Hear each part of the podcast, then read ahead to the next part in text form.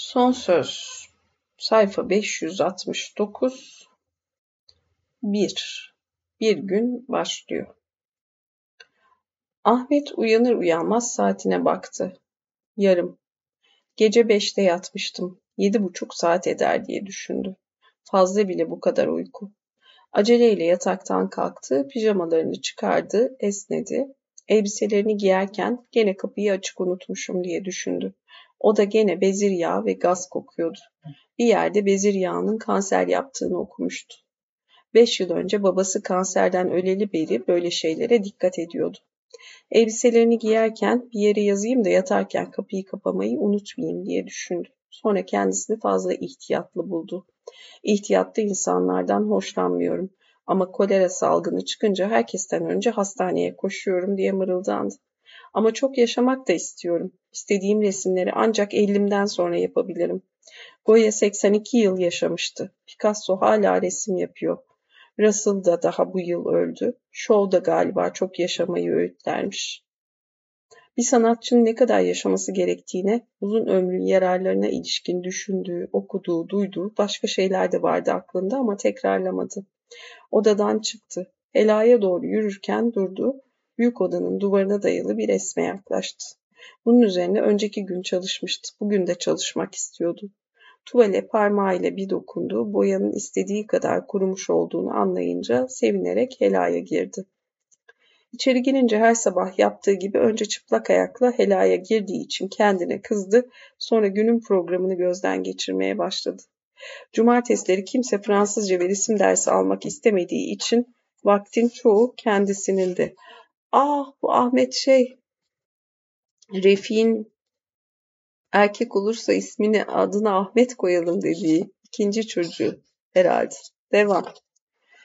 Akşamüstü belki İknur gelecekti. Babaannem nasıl acaba? Babaannesinin sağlığı kötüydü. Doktorlar ölümden bile söz etmişlerdi. Bütün gün yatakta yatıyor, tuhaf şeyler mırıldanıyor. Başında da bir hemşire bekliyordu. Sahi dedemin resmini yapacaktım diye düşündü. Sakallı, hırpani, bohem sanatçılara benzememek için her sabahki gibi tıraş oluyordu. Yüzün Goya'nın yüzüne benziyor mu diye mırıldandı. Goya tutkusunu da yeni çıkardım. Kendine kızar gibi yaptı, suratını yıkadı, banyodan çıktı ve kapının altından atılmış gazeteyi aldı. Gazetenin yanında bir de zarf gördü. Bir sergi davetiyesiydi. Açıp baktı. Gencay sergisi için davetiye bastırmış. Bunu benle konuştuğu kaç kere söylediği halde bir de yolluyor. Ne herif. Davetiyeyi bir daha baktı. Düğün davetiyesine benziyordu. Tam küçük burjuva herif diyecekti ki caydı. Gencay'a sevgi beslediğini içinden geçirdi ve gazeteyi alarak bir köşeye oturdu. Gazete hiç de iç açıcı değildi. Cenaze büyük bir törenle kaldırıldı. 5000 genç bağımsızlık andı içti. 12 Aralık 1970. 1939'dan 1970'e 31 yaşında mı o zaman çocuk? Bir tabuta sarılarak ağlayan çarşaflı bir kadın resmi vardı. Hüseyin Aslantaş'ın annesi. Resmin altına baktı. Talihsiz ana oğlunun tabutuna kapandı ve hıçkırıklara boğuldu. Birden ürperdi. En ciddi şeyleri bile bu yerli film ağzıyla. Gözü başka bir şeye ilişti. Batur Sunay'a muhtıra verdi. Heyecanlanarak okudu. Hava Kuvvetleri Komutanı Orgeneral Muhsin Batur 24 Kasım 1970 tarihinde Cumhurbaşkanını ziyaret ederek Türk Silahlı Kuvvetleri'nin çeşitli kademelerinde son derece belirgin hale gelen bir rahatsızlıktan bahsederek başını gazeteden kaldırdı. Ziya Bey haklıymış diye düşündü. Dün babasının kuzeni emekli albay Ziya Nigan Hanım'ı ziyarete gelmiş Ahmet'i görünce yukarı çıkmış, askerlerin artık bir şeyler yapacağından söz etmişti. Her zaman takındığı çok şey bilen ama bildiklerini saklamak zorunda olan esrarlı tavrıyla bugün yarın bir şey olacağını söylemişti. Sonra ağzından muhafız alayı, harp okulu gibi kelimeler kaçıvermiş ya da kaçıvermiş gibi yapmıştı. Ya ya ordu görevini yapar, hakkını alır diyen bir bakış vardı yüzünde. Ahmet haberin geri kalan kısmını okudu. Batur mektubun bir kopyasını da Tağmaç'a vermiştir. Ancak Genelkurmay Başkanı Tağmaç'ın fakat görüşme uzadıkça Tağmaç'ın Batur'un görüşlerini benimsediği öğrenilmiştir. Tamam, Batur onu kafa kolu aldı, darbe yapacaklar. Birden bu konuda okuduklarını hatırlayarak olur mu canım böyle bir şey diye mırıldandı. Sonra şaşırdı. Ya olursa? Heyecanlanarak ayağa kalktı. Odanın içinde aşağı yukarı yürüdü. Sonra gene oturup haberi dikkatle kelimelerin üzerinde teker teker durarak okudu. Haber çok dikkatli bir dille yazılmıştı. Bu haberi basına kim sızdırdı acaba? Son derece belirgin hale gelen bir rahatsızlık ne demek? Niye rahatsız oluyorlar? Rahatlarını kim kaçırdı? Vatan için endişeleniyorlar tabii. Yurt sorunları, toplumsal sorunlarımız. Haberi bir daha okudu. Sunay mektuptan Demirel'i bu hafta içinde haberdar etmiştir. Oturduğu yerden kalktı. Acaba o ne yapmıştır? İçinde bir heyecan yükseldiği, bir şeyler yapmak istediği için terasa çıktı. Ta korkuluğa kadar yürüdü, yaslandı, Nişantaşı'nı seyretti. Cumartesi saat 1'e doğru Nişantaşı meydanı cıvıl cıvıldı. Trafik tıkanmıştı. Caddenin ortasında bir polis elini kolunu sallıyor, düdük çalıyordu. Bir troleybüsün boynuzu telden kurtulmuş, asfalta doğru eğilmişti. Açılan kapıdan şoför çıkıyor, üniformalı iki lise öğrencisi ona bakıyordu. Karşı kaldırımda çingeneler sepetleriyle dizilmiş çiçek satıyorlardı. Dolmuş durağının ince sesli değnekçisi birisine sesleniyordu. Ayakkabı boyacılarının üçü de müşteri bulmuştu. Galiba fazladan bir de bekleyen müşteri vardı. Şık bir kadın cumartesi alışverişinden dönüyordu. Mini etekli bir genç kız bir butiğin vitrinine bakıyordu. Nişantaşlılar için belediye tüzüğünde gösterilenden daha beyaz ekmekler satan bir kaçak ekmekçi sepetinin üzerine örtüsünü sermiş troleybüsün boynuzuna bakıyordu. Yanında tombalacı vardı. Köpekli bir kadın önlerinden geçiyordu. İş Bankası'nın önünde iki ilkokul öğrencisi itişiyordu. Işıkçı apartmanının kapıcısı Nevzat karşı bakkala giriyordu. Trafik açıldı. Öteki köşedeki milli piyangocuya başörtülü bir kadın yanaştı. Kuru kahveciye kadife ceketli bir bey girdi. Ahmet darbe diye düşündü. Bütün bunları kökünden alt üst eden, hepsini bir vuruşta darmadağın eden, bütün Nişantaşı ve bütün burjuvaziyi sarsan bir darbe. Birden gerine gerine esnedi. Bir şey olacağı yok diye düşündü. Şu aşağıdaki kargaşa daha yıllar yılı süreceği benzer. Ama gene de ya olursa diye mırıldandı ve güldü. Darbe olursa bir gün kimse sokağa çıkamaz. Ziya Bey'i düşündü. İkimiz de Nişantaşı'ndan nefret ediyoruz diye mırıldandı. Başını kaldırıp yukarı baktı. Soluk, hiçbir şeyde karar kılamayan belirsiz bir gök vardı. Babaannesinin üzerine titrediği ıhlamur ağacının çıplak dalları göğe uzanır gibiydi. Ama dalların arkasında daha üstünde apartmanlar vardı. Ahmet Nişantaşı'na sırtını döndü, çatı katının pencerelerine baktı. Ben neyim diye düşündü. Dört yıldır burada Nişantaşı'nda bir apartmanın çekme katında yaşıyordu. Dört yıl önce resim öğrenimi için gittiği Paris'ten dönmüş, yapılan uzun hesaplardan sonra babası Refik'ten Ahmet'le Meleğe ancak bu çekme kat değerinde hatta daha değersiz bir şey kaldığı açıklanmış. Ablasının ihtiyacı olmadığı için bu iki odalı daireye yerleşmişti. Kira vermediği, apartmanın ısıtma masrafına katılmadığı, yemekleri de aşağıda babaannesine yediği için fazla bir paraya ihtiyacı yoktu. Arada bir bir resim satıyor. Ayrıca gazetelere verdiği ilanlarla bulduğu üç kişiye Fransızca ve bir çocuğa da resim dersi veriyordu. Ben neyim diye bir kere daha mırıldandı ama hüzne kapılmadı. Ne yaptığımı biliyorum. Sanat ağacından bir meyve koparmak için hayatımı sunuyorum. Bir yerde böyle bir şey okumuştu galiba ama kendisine kızmadı. Alaycı bir tavır da takınmadı. Babaannesini görmek, karnını doyurmak için aşağı kata inmeye karar verdi. Anahtarını alıp çıktı. Doktorlar Nigan Hanım'ın hastalığını genel olarak yaşlılıkla açıklıyorlardı. Özel olaraksa damar sertliği ya da buna benzer bir şey vardı galiba. Ahmet bu konuyla yeterince ilgilenmediğini merdivenleri inerken fark etti. Yalnız kesinlikle anladığı bir şey vardı.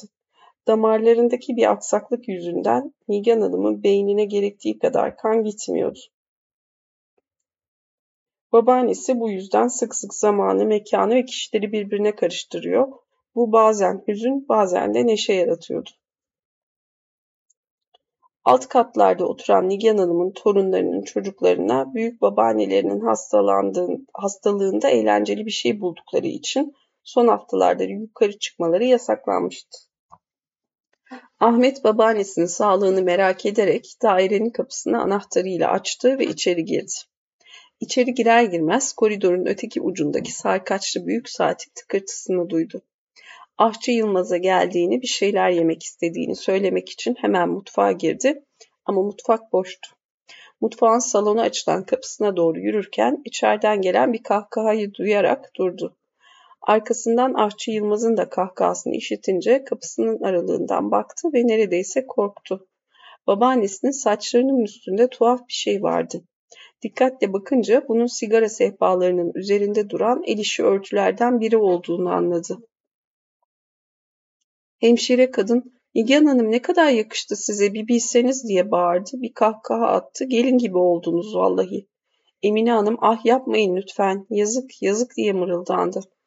Ahçı Yılmaz, Nigan Hanım, Nigan Hanım benim hakkımda ne düşünüyorsunuz dedi. Babam 30 yıl yemeğinizi pişirdi. Ben de 30 yıldır pişiriyorum. Benden memnun musunuz? Nigan Hanım orada değilmiş. Çok uzaktaki bazı belirsiz kişilerle konuşuyormuş gibi. Evet senden memnunum dedi. Emine Hanım yeter artık yapmayın. Bakın görüyor musunuz dedi. Hemşire sigara içer misiniz dedi. Nigan Hanım başını sallayınca bir tane yakıp verdi. Nigan Hanım dumanı içine çekmeye çalıştı ama sigara söndü. Birkaç kere üfledi. Şikayetçi bir sesle bir şeyler söyledi. Aşçı Yılmaz bir kahkaha attı. Hemşire yeniden yakıp sigarayı uzattı. Emine Hanım söylenerek ayağa kalktı ve hasta kadının başından örtüyü elinden sigarayı almak için davrandı ama Nigan Hanım sigarayı vermek istemedi.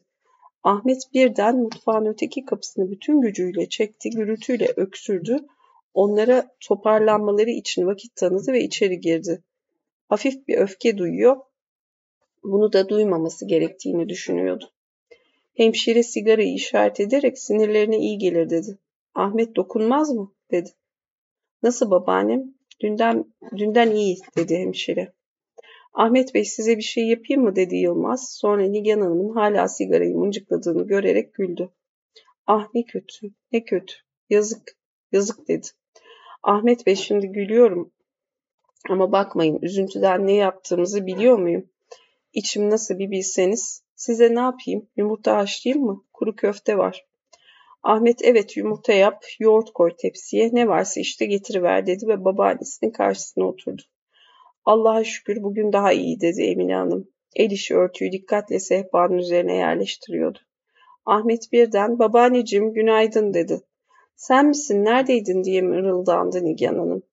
Ahmet aptal bir çocukla konuşur gibi heceleyerek yukarıdaydım aşağı indim dedi. Baban nerede dedi Nigan Hanım. Babam yok ya. Bir sessizlik oldu. Nigan Hanım düşünceye başladı. Kalın camlı gözlüklerinin arkasından Ahmet'e şüpheyle bakıyordu. Kendisinden bir şey sakladığına inanıyor. Galiba bunun ne olduğunu araştırıyordu. Hadi çağır da babanı gelsin dedi. Hemşire kabaca babası ölmüş ya dedi ve sigarayı kapıp aldı. Evet öldü dedi Nigan Hanım. Ne yapayım benim kabahatim mi? O kadınla evlenmeyeydi. Ahmet babaannesinin aklının iyi çalıştığını anlayarak sevindi. Nasıl hissediyorsunuz bugün? Kulaklarımda hep şarkılar çalıyor dedi Nigan Hanım. Bir derdi de kulağının dibinde durmadan tekrarlandığını söylediği bazı çocukluk ve gençlik şarkılarıydı. Aynı şarkılar mı? Aynı şarkılar. Hemşire bir tanesini söyleyin de dinleyeyim dedi. Ahmet'in kendisine sert sert baktığını görünce ayağa kalkıp mutfağa gitti. Nigan Hanım hemşireyi işaret ederek kim o dedi. Emine Hanım, Zuhal Hanım, doktor hanım ya dedi ve uzanarak Nigan Hanım'ın battaniyenin bir köşesini çekiştiren elini alıp kenara koydu. Serum iğneleri sokulup çıkarılmaktan delik delik ve mosmor olan el kenarda kıpırdanmaya başladı. Ahmet babaannesinin işitmeyeceğini bildiği için rahat rahat hala yemiyor mu? Serumu ne zaman bırakacaksınız dedi. Hemşire hanım bilir dedi Emine hanım. Aşçı Yılmaz bir tepsi içinde Ahmet'in yiyeceğini getirdi. Tepsiyi sehpanın üzerine koydu. Komposto da vereyim ister misin dedi. Ahmet yok yok dedi. Tepside yoğurt, yumurta, kuru köfte vardı. Nigan Hanım ne konuşuyorsunuz dedi. Ben yemek yiyorum dedi Ahmet. Neredeydin sen? Yukarıdaydım babaanneciğim. Resmi yapıyordum ya yukarıda. Nigan Hanım birden heyecanlanır gibi oldu. Ah sendeki o istidat, sendeki o istidat, o Allah vergisi. Onun kıymetini bil dedi. Ahmet neşelenerek biliyorum resim yapıyorum. Hep resim mi yapıyorsun dedi Nigan Hanım şüpheyle. Evet. Para? Sen evlenmeyecek misin? Hep evde mi oturacaksın? Ahmet gülümseyerek arada bir sokağa çıkıyorum dedi. Ben de bankaya gideyim bir kasama bakayım diyorum. Ahmet başını salladı. Hemşire içeriden gelmişti. Yılmaz da elini büfeye dayamış Nigan Hanım'a bakıyordu. Galiba herkes bir eğlence çıkmasını, sonradan konuşulacak iyi kötü bir şey olmasını isteyerek bekliyordu. Yılmaz arada bir Ahmet'e köftelerin nasıl piştiğini ya da komposto isteyip istemediğini soruyordu. Birden dış kapı açılıp ayak sesleri duyulunca Nigan Hanım'ın başındaki kalabalık dağıldı. Ahmet ayak seslerinden gelenlerin Nermin'le Osman olduğunu anladı. İkinci bölüm Nişantaşı'nda apartman başlıyor. Osman annesinin yanına girer girmez nasılsınız anneciğim diye bağırdı. Annesi kadar kendi kulakları da ağır işitiyordu. Neredeydin dedi Nigan Hanım. Fabrikadaydım dedi Osman. Annesinin işitmediğini anladı. Fabrikadaydım diyorum. Cemil'le fabrikaya gittik bugün. Nigan Hanım yüzünü buruşturdu. Sonra kendisine yaklaşan Nermin'e endişeyle baktı. Benim efendim benim dedi Nermin. Tanıyamadınız mı? Nigan Hanım Ahmet'e dönerek kim bu dedi. Nermin yenge babaanne Nermin yenge dedi Ahmet. Gene tanıyamadı dedi Nermin. Nigan Hanım hastalığının ilerlediği şu 11 haftada bazı insanları çıkaramaz olmuştu. Tanınamayan insanlar arasında olmak Nermin'de haksızlığa uğramış gibi bir duygu uyandırıyordu galiba. Perihan mı diye mırıldandı Nigan Hanım şüpheyle. Nermin, Perihan başkasıyla evlendi ya, gelininiz benim, beni tanıyamadınız mı efendim diye bağırdı. Osman'a dönerek öfkeyle ekledi. Vallahi mahsus yapıyor. Canım niye mahsus yapsın dedi Osman. Tanıyamıyor işte seni. Hasta ne yapalım? Nermin söylenerek bir kenara oturdu. Ahmet amcasıyla yengesinin gene kavgaya tutuşmalarından korktu. Osman bir sigara yaktı. Nermin ona içmemesini söyledi. Osman homurdandı bir sessizlik oldu. Nigan Hanım birden ne yaptınız fabrikada dedi. Osman sinirli sinirli ne yapılır fabrikada baktık işte diye bağırdı. İşler iyi mi diye baktık. Bir şey yok bir şey yok her şey iyi. Çalışıyorlar güzel güzel çalışıyorlar. Ne yapıyorlar? Ampul, ampul yapıyorlar ya anneciğim ampuller. Ah biz böyle mi olacaktık diye mırıldandı Nigan Hanım. Aklında gene galiba fabrikada iki yıl önce yapılan grev vardı. Bu grevden sonra Nigan Hanım fabrikayı hep bir felaket duygusuyla hatırlar olmuştu. Bunun gazetelerde yazılan kötü gidişle bir ilişkisi olduğuna inanıyor. Yalnız siyasi değil, artık duyduğu, işittiği her kötü haberle birlikte aklına işlerin yolunda olmadığı geliyordu. Bir şey yok, merak etmeyin dedi Osman. Nigan Hanım gene mırıldandı. Niye merak etmeyeyim? Ne hallere düştük? Biz böyle mi olacaktık? Cevdet Bey'in kurduğu şey böyle mi olacaktı? O böyle mi istemişti? Kimse kimseyi tanımıyor. Dün o Ziya neler dedi biliyor musun? Osman ne dedi Ziya diye sordu. Terbiyesiz, saygısız, küstah diye mırıldandı Nigan Hanım. Osman Emine Hanım'a dönerek bir daha gelirse içeri almayın onu dedi. Aşağı bize yollayın. Neymiş istediği anlayalım. Ahmet Bey'le konuştular dedi hizmetçi. Osman sahi ne konuştunuz dedi. Ahmet Osman'ın endişelendiğini fark ederek yok bir şey dedi keyifle. Söyleyeyim mi ona diye düşünüyordu. Darbe geliyor. Sol darbe. Darbe geliyor. Sol darbe. Nişantaşı yıkılıyor. Gene bir an darbenin yapılmasını istedi.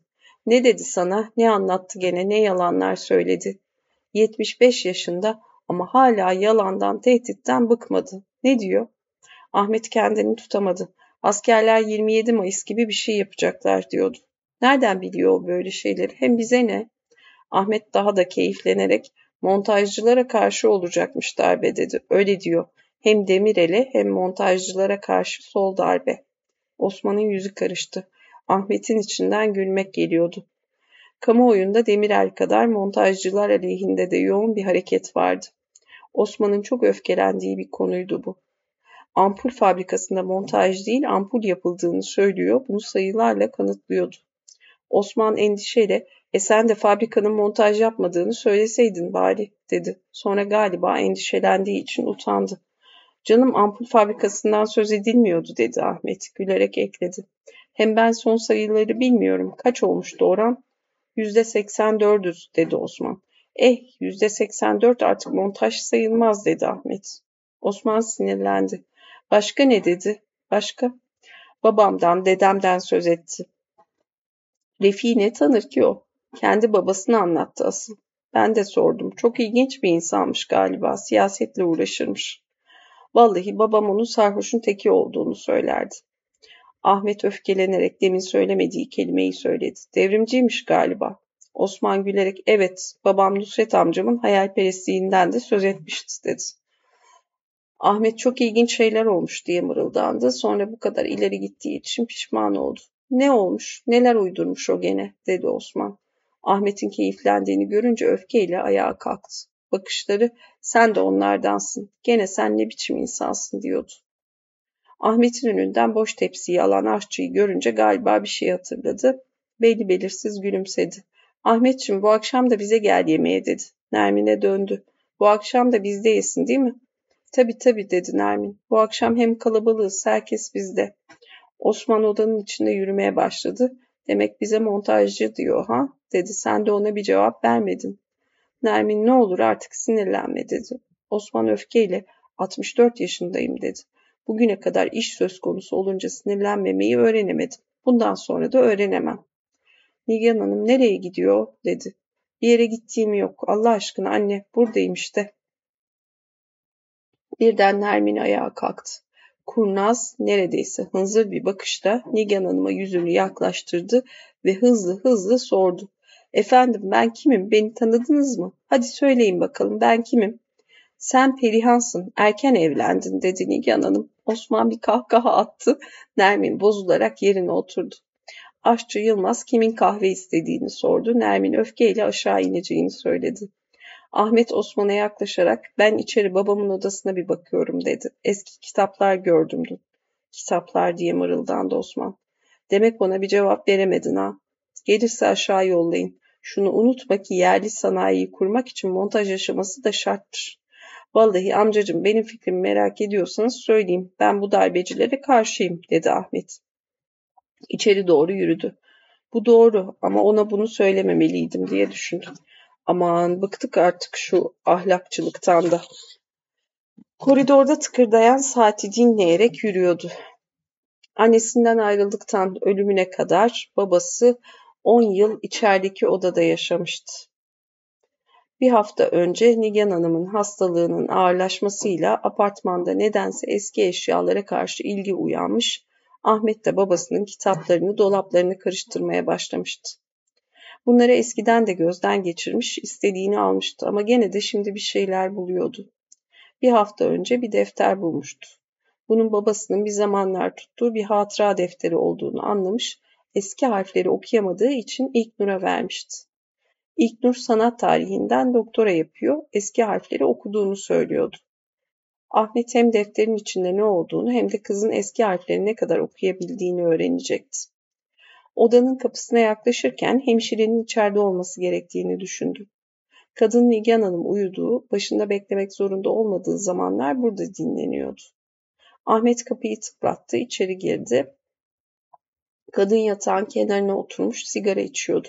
Kusura bakmayın dedi Ahmet, rahatsız ettim. Şurada bazı kitaplara bakacağım. Gülümsedi. Amma kibarım ha diye düşündü. Rica ederim burası sizin eviniz dedi hemşire. Ahmet kütüphaneye doğru yürüdü, kitapların sırtına bakmaya başladı. Hem kitaplar ilgi çekici olmadığı hem de kadın sigara içerek kendisine baktığı için rahatsız oldu. Aradığı şeyin orada olduğunu biliyormuş gibi kendinden emin bir tavırla aşağıdaki dolabı açtı.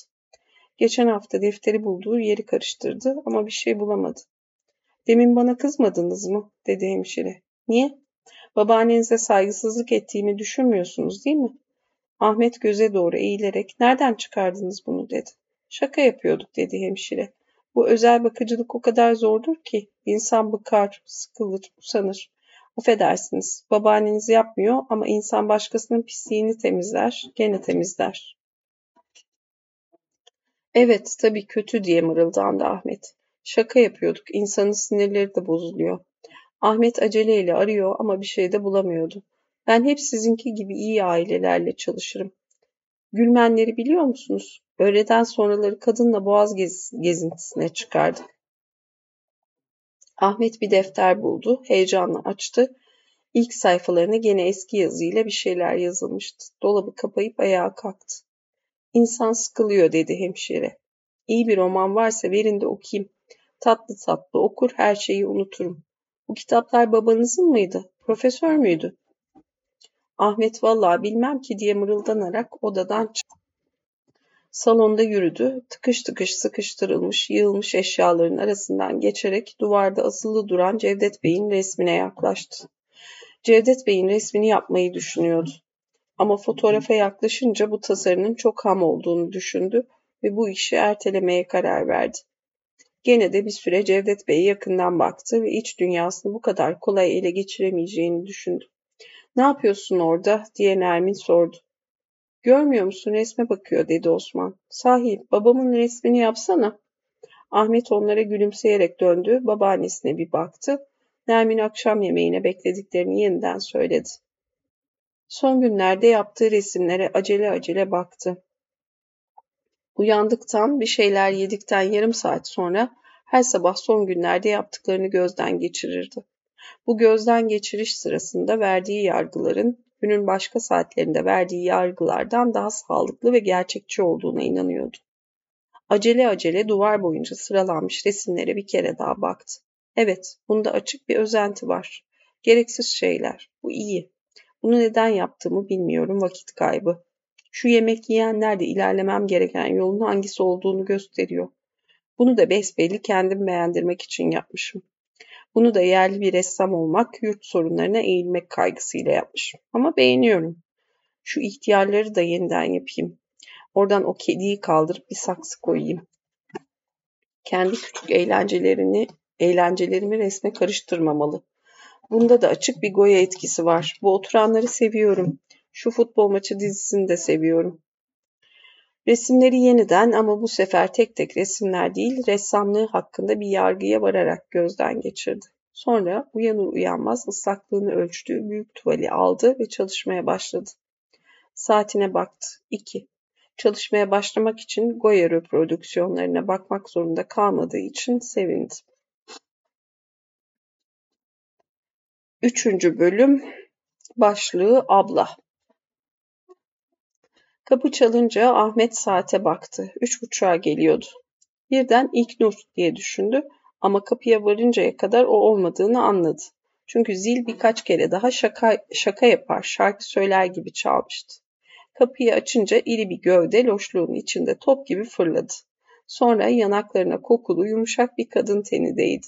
Ahmet ablam diye düşündü ve öteki yanağını da uzattı. Ne haber dedi Melek. Nasılsın bakayım? Neşeli gözükmüyorsun. Fırtına gibi odaya girip bir daire çizmiş hemen gözden geçirmişti bile. Yok canım iyiyim. Öyle mi? Aa ne güzel gömlek o üzerindeki. Nereden aldın? Her zaman giydiğim eski. Bu çizmelerimi nasıl buluyorsun? Yeni mi? Evet enişten getirdi. Dışarıda mıydı? Ne unutkansın sen Ahmetçim dedi Melek. Arkasına Ahmet'e dönmüş resimlere bakıyordu. Sana boya getirecekti de istemedin ya. Sahi ne çabuk gitmiş gelmiş dedi Ahmet. Sen daha burada pinekle. Aa ne güzel şey bu. Ahmet merakla baktı. Hiç önemsemediği, kazıyıp üzerine bir başka resim yapmayı düşündüğü bir resimdi. Bunun nesini beğendi diye düşündü. Ama böyle düşünmeye alışık olduğu için üzerinde durmadı. Ne güzel renkler bulmuşsun. Biraz da o tuhaf resimlerden yapsana. Türkçesi nedir? Şekilsiz resim gibi değil de soyut dedi Ahmet. Ah soyut. Ben yeni kelimeleri kusura bakma öğrenemedim. Hostes konuksever gök avrat kıkırdadı. Soyut. Sahi biraz da soyut yapsana. Enişten artık Avrupa'da herkes soyut yapıyor diyor. Başka ne yapıyorsun? Şimdi bunu mu yapıyorsun? Evet. Melek eşyaları hiç kimseden çekinmeden dokunabilme alışkanlığıyla resmi masadan kaldırdı, yüzüne yaklaştırdı. Sonra her seferinde yaptığı gibi kokladı, Ağırlığını ölçmek istiyormuş gibi eliyle bir tarttı, sağa sola çevirdi, ışığa doğru tuttu. Ahmet bazen resmin bir nesne olduğunu içgüdüleriyle herkesten çok ablasının anladığını düşünürdü. Ablasının korkutucu denecek kadar iri gövdesine bakıyordu. Evet dedi Melek. Tam anlayamadım ben bunu. Soyut değil ama gene de anlayamadım. Yani ne demek istiyorsun bununla? Daha bitmedi. Bitince nasıl olacak bilmem. Melek akıllı bir baba ile bilmece çözen şımarık çocuk gibi gülerek aman dedi. Sonra heyecanla başka bir resmi gösterdi. Peki bu bitmiş. Bununla ne demek istiyorsun söylesene. Kravatlı şık bir adamla gözlüklü bir kadın oturuyor. Bunun anlamı ne? Ne demek istiyorsun? Resim ne diyorsa onu diyorum. Hep böyle kaçarsın dedi Melek. Sonra ilk kızını aldığını düşünüyormuş. İlk yargısını da vermek üzereymiş gibi çevresine gene merakla baktı ve kaşlarını çattı. Babaannem kötü galiba dedi. Evet merak ediyorum doğrusu. Neyi? Ne bileyim ben üzülüyorum. Dün bütün gece vallahi onu üç nokta bir tabureye oturdu birden şüpheyle irkildi. Otur otur kuru, kuru orası leke yapmaz dedi Ahmet. Korktum. Burası da çok dağınık. Ahmet bak bundan alındım dedi. Ben burayı gün aşırı toplarım. Öyle mi? Yerleri kim süpürüyor? Emine Hanım mı? Ahmet Fatma geliyor 15 günde bir dedi sıkıntıyla. Kim o? Cemillerin kimi? Biliyor musun bizimki kaçtı. Neden kaçtı anlayamadım. Üç gün önce birden sustu. Ahmet'in yüzüne sıkıntıyla baktı. İç çekti. Çok üzülüyorum babaannem için.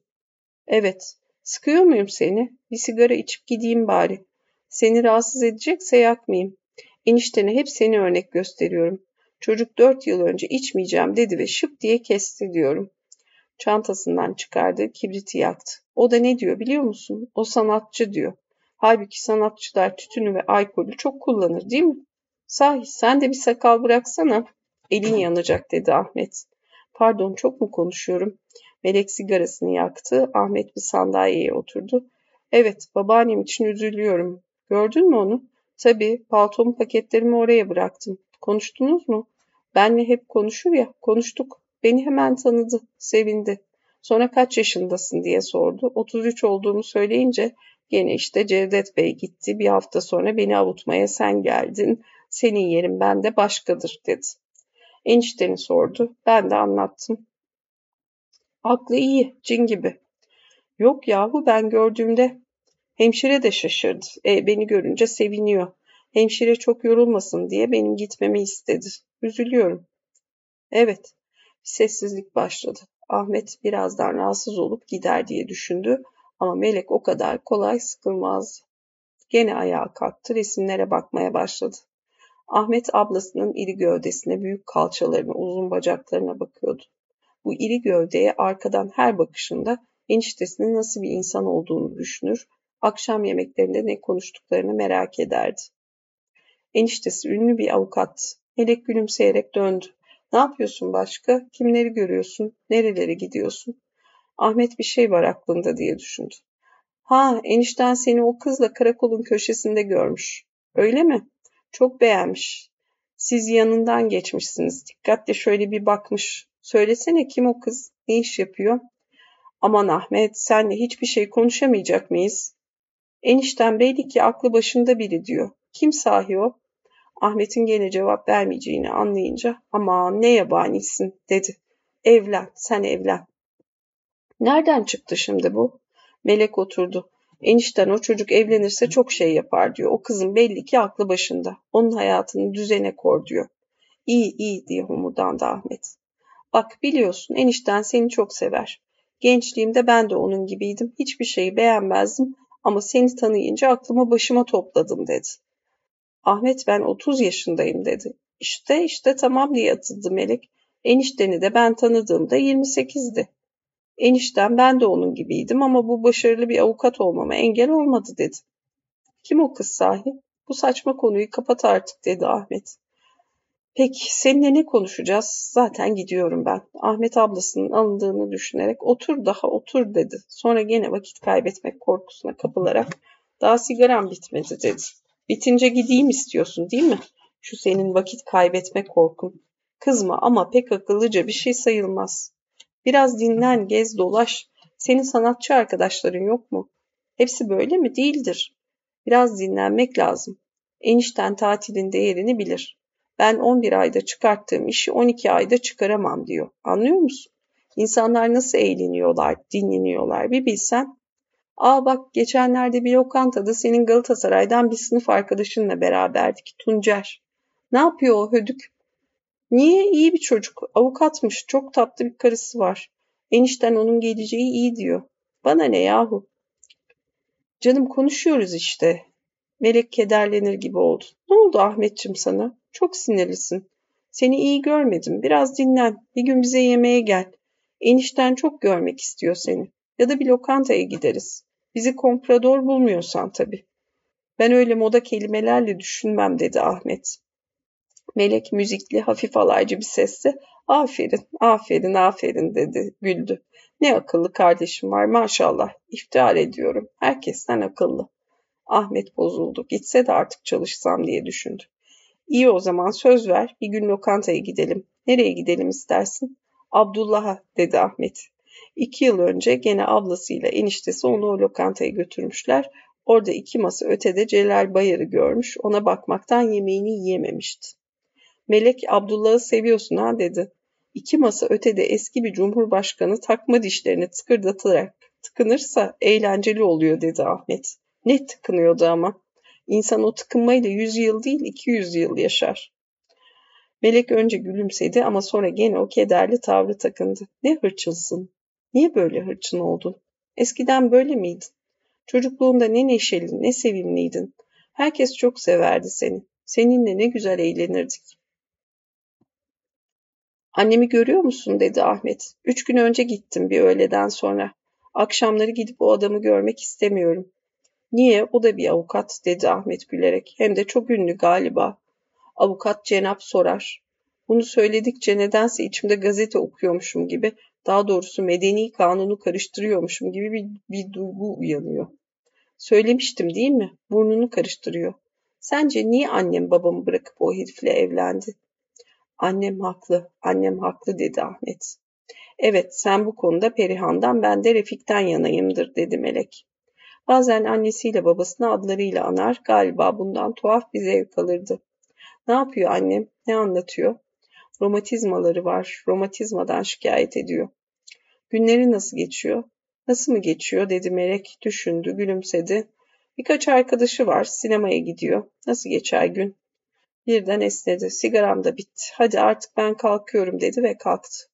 Akşam yemeğine misafirler var. Allah korusun babaannemin durumu kötüleşirse beni arayın. Kapıya doğru yürüyordu. Birden Ahmet'in aklına bir şey geldi. Sen Ziya amcayı hatırlıyor musun? dedi. Babamın kuzeni Ziya amcayı.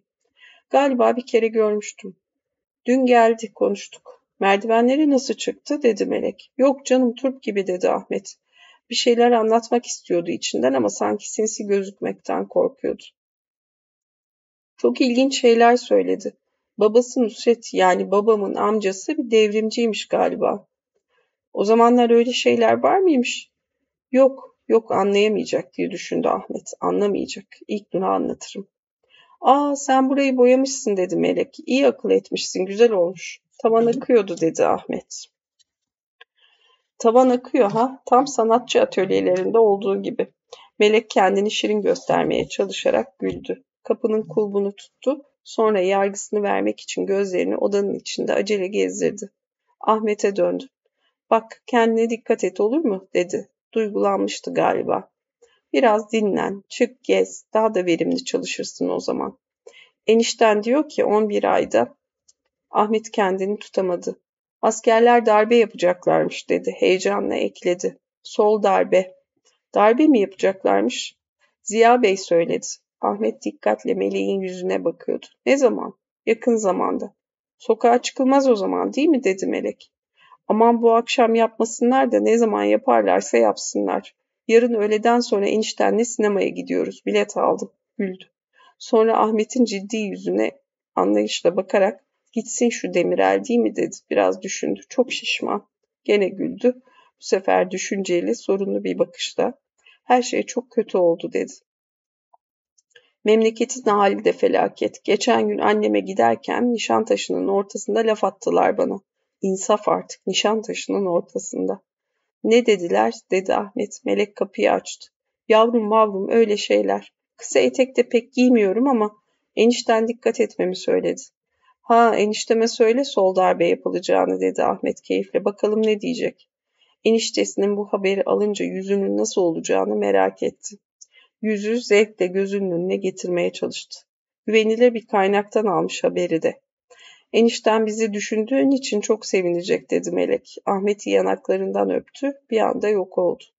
Ahmet hırsından utanarak hem enişte avukat, küçük burjuva, darbe ona karşı olamaz diye mırıldandı. Ama kitaptan çıkma yargıyı değil eniştesinin yüzünü daha gerçek bulduğu için gene de heyecanlandı. Sonra heyecanına sinirlenerek boş ver diye düşündü. Terasa çıktı, Nişantaşı'na baktı.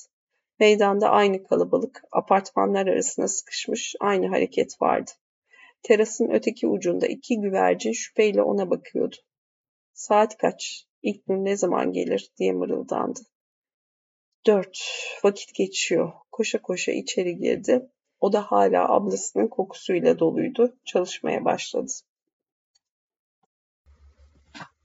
Dördüncü bölümün başlığı bir arkadaş. Zil bir kere çaldı. Ahmet saatine baktı. Altı, ilk nur, altı olmuş diye mırıldanarak koştu. Neredesin böcek, neredesin diye söylenerek kapıyı açtı ve dondu. Karşısında Hasan vardı. Kimmiş yahu bu böcek dedi Hasan. Merhaba. Sarılıp Ahmet'i yanaklarından öptü. Geçiyordum şöyle bir uğrayayım dedim. Hasan birden durdu. Başka şeyler de var aklımda diyerek gülümsedi. Namuslu çocuktur diye düşündü Ahmet. Ne de olsa devrimci. Otur, otur. Sen birini bekliyorsan işin varsa oturmayayım. Ahmet yok yok otur dedi. Biraz konuşalım. Yoksun ortalıkta. Tam ben de aynı şeyi söyleyecektim. Çay içer misin? Yap bakalım dedi Hasan. Sonra birden Ahmet'in sırtına sıkı bir yumruk vurdu. İyi misin lan? Ahmet sendeledi ama fark ettirmemeye çalıştı. Küçük gaz ocağının altını yakarken sırtının uyuştuğunu hissetti. Hasan içeriden hala resim mi? Hep resim mi? diye seslendi. Ya vah vah vah çayı çabuk yap. Ahmet ocağı yaktı, suyu koydu, içeri girdi. Hasan odanın ortasındaki tabureye oturmuş, postallı ayaklarını uzatmış, sigara içiyor, resimlere bakıyordu. Birden Ahmet'in içinden onun canını yakmak geldi. Oğlum otuzuna yaklaştın. Hala 18 yaşındaki devrimci gibi parkalar, postallar giyiyor, bıyık vuruyorsun. Bir Galatasaraylı'ya yakışır mı bunlar? Ben Galatasaraylıyım ama halk çocuğuyum dedi Hasan. Senin gibi. Bir süre sustu. Şu Nişantaşı'na her gelişimde kinim bileniyor dedi. Şu dükkanları, butikleri, karıları görünce burjuvaziye olan kinim bileniyor. Eh o zaman sık sık gel yararlı olur dedi Ahmet. Benim böyle bir şeye ihtiyacım yok. Senin var herhalde. Ama senin de yüreğin nasır tutmuş. Gülüştüler. Ahmet iyi her zamanki gibiyiz diye düşündü. Beni yeterince hareketli bulmuyor ama gene de seviyor. Eskiden de öyleydik. Eskiden. Hüzünlenir gibi oldu. Hasan'ı Galatasaray'dan tanıyordu ama dostlukları daha sonra Ahmet Fransa'dan döndükten sonra ilerlemişti. Hasan Ahmet'ten üç yaş küçüktü. Ahmet ne yıllardı o yıllar diye tam düşünmeye başlamıştı ki kendine kızdı. Doya doya Hasan'a bir baktı. Parkayla postallar beni yanıltmıyor. O da yaşlanmış diye düşündü. E sen ne yapıyorsun şimdi? dedi Ahmet. Bizim ihtiyarla evde oturuyorum. Altı ay önce biliyorsun annem öldü. Biliyorum çeviri yapıyorsun. Evet idare ediyoruz. Okulu bitiriyor musun? Uğramıyorum. Bilmiyorum biter mi bitmez mi. Atmıyorlar mı? Benim sonsuz hakkım var. Ha tabii. Sen üniversiteyi Paris'te okuduğun için buranın adetlerini bilmiyorsun. Ahmet bozulmuş gibi yaptı ama bozulmadı. Alınsa alınsa resim okuduğu için alınırdı. Resmi Paris'te okuduğu için değil. Bir sandalye çekip Hasan'ın karşısına oturdu, yüzüne bakmaya başladı. Hasan onun baktığını hissetti galiba ama gözünü resimlerden çekmedi. Ciddi ciddi bir şey okuyormuş gibi dikkatle resimlere bakıyordu. Sonra dönüp Ahmet'e gülümsedi. Nasıl buldun? dedi Ahmet. Valla ben resimden anlamam dedi Hasan. Çok ihtiyatlısın. Senin kadar ihtiyatlı olamam bağımsız sosyalist diyerek Hasan ayağa kalktı. Hala bağımsız sosyalist misin? Hasan İşçi Partisi üyesiydi. İşçi Partisi üyesi olmakla ve babasının öğretmenliğiyle gururlanırdı. Şimdi İşçi Partisi'ne üye olmayan bir yığın sosyalist var dedi Ahmet. Üstelik bütün gürültüyü patırtıyı da onlar yapıyor. Gürültüyü patırtıyı ama gerekenleri değil dedi Hasan. Sonra dikkatle ekledi. Sana şunu da söyleyeyim. Beni tam bir partili olarak görme. Parti görüşüyle MDD arasında bir yol arayan benim gibi yığınla arkadaş var. Bu arkadaşlarla üç nokta Kendine göre bir görüşün de her zaman vardır senin dedi Ahmet. Sıkışınca parti görüşünü değil kendini savunmaya başlarsın. Evde otura otura kızışmışsın sen yahu. Seçimle Türkiye'ye sosyalizmi getireceğini sanıyorsun dedi Ahmet. Seçimde de ne olduğunuz gördük. Biz seninle bunları konuşmamış mıydık yahu dedi Hasan. Yeter bir kere. Bağımsız sosyalist diye dalga geçiyorsun. Ben de bırak da biraz bağımsızlığın tadını çıkarayım. Birader sen o tadı doğduğundan beri çıkarıyorsun dedi Hasan. Hala da tat buluyorsun. O işin tadını almak için arada bir bir şeyler yapmak lazım değil mi? Bunu Ahmet'i yaralamak için değil dostça söylemişti. Ahmet duygulandı ama e ne olmuş bir şey yapmıyorsam hiçbirini beğenmiyorum işte dedi. Dahası var mı? Beğenmiyorum.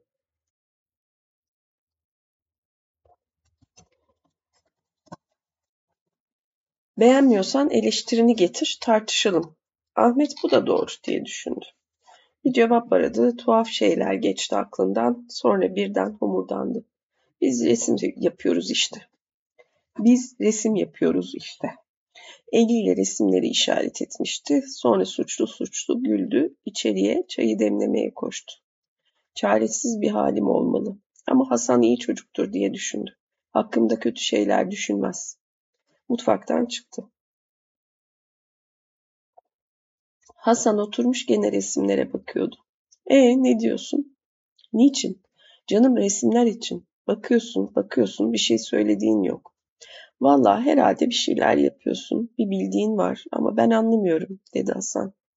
Ahmet önce öfkelendi ama sonra yumuşadı. İyi çocuktur Hasan diye düşündü. Metin ya da Sacit olsaydı hemen yılgınlık, kitlelere güvensizlik ya da teslimiyetçilik bulurlardı. Canım söyle sen gene, aklına ne geliyor?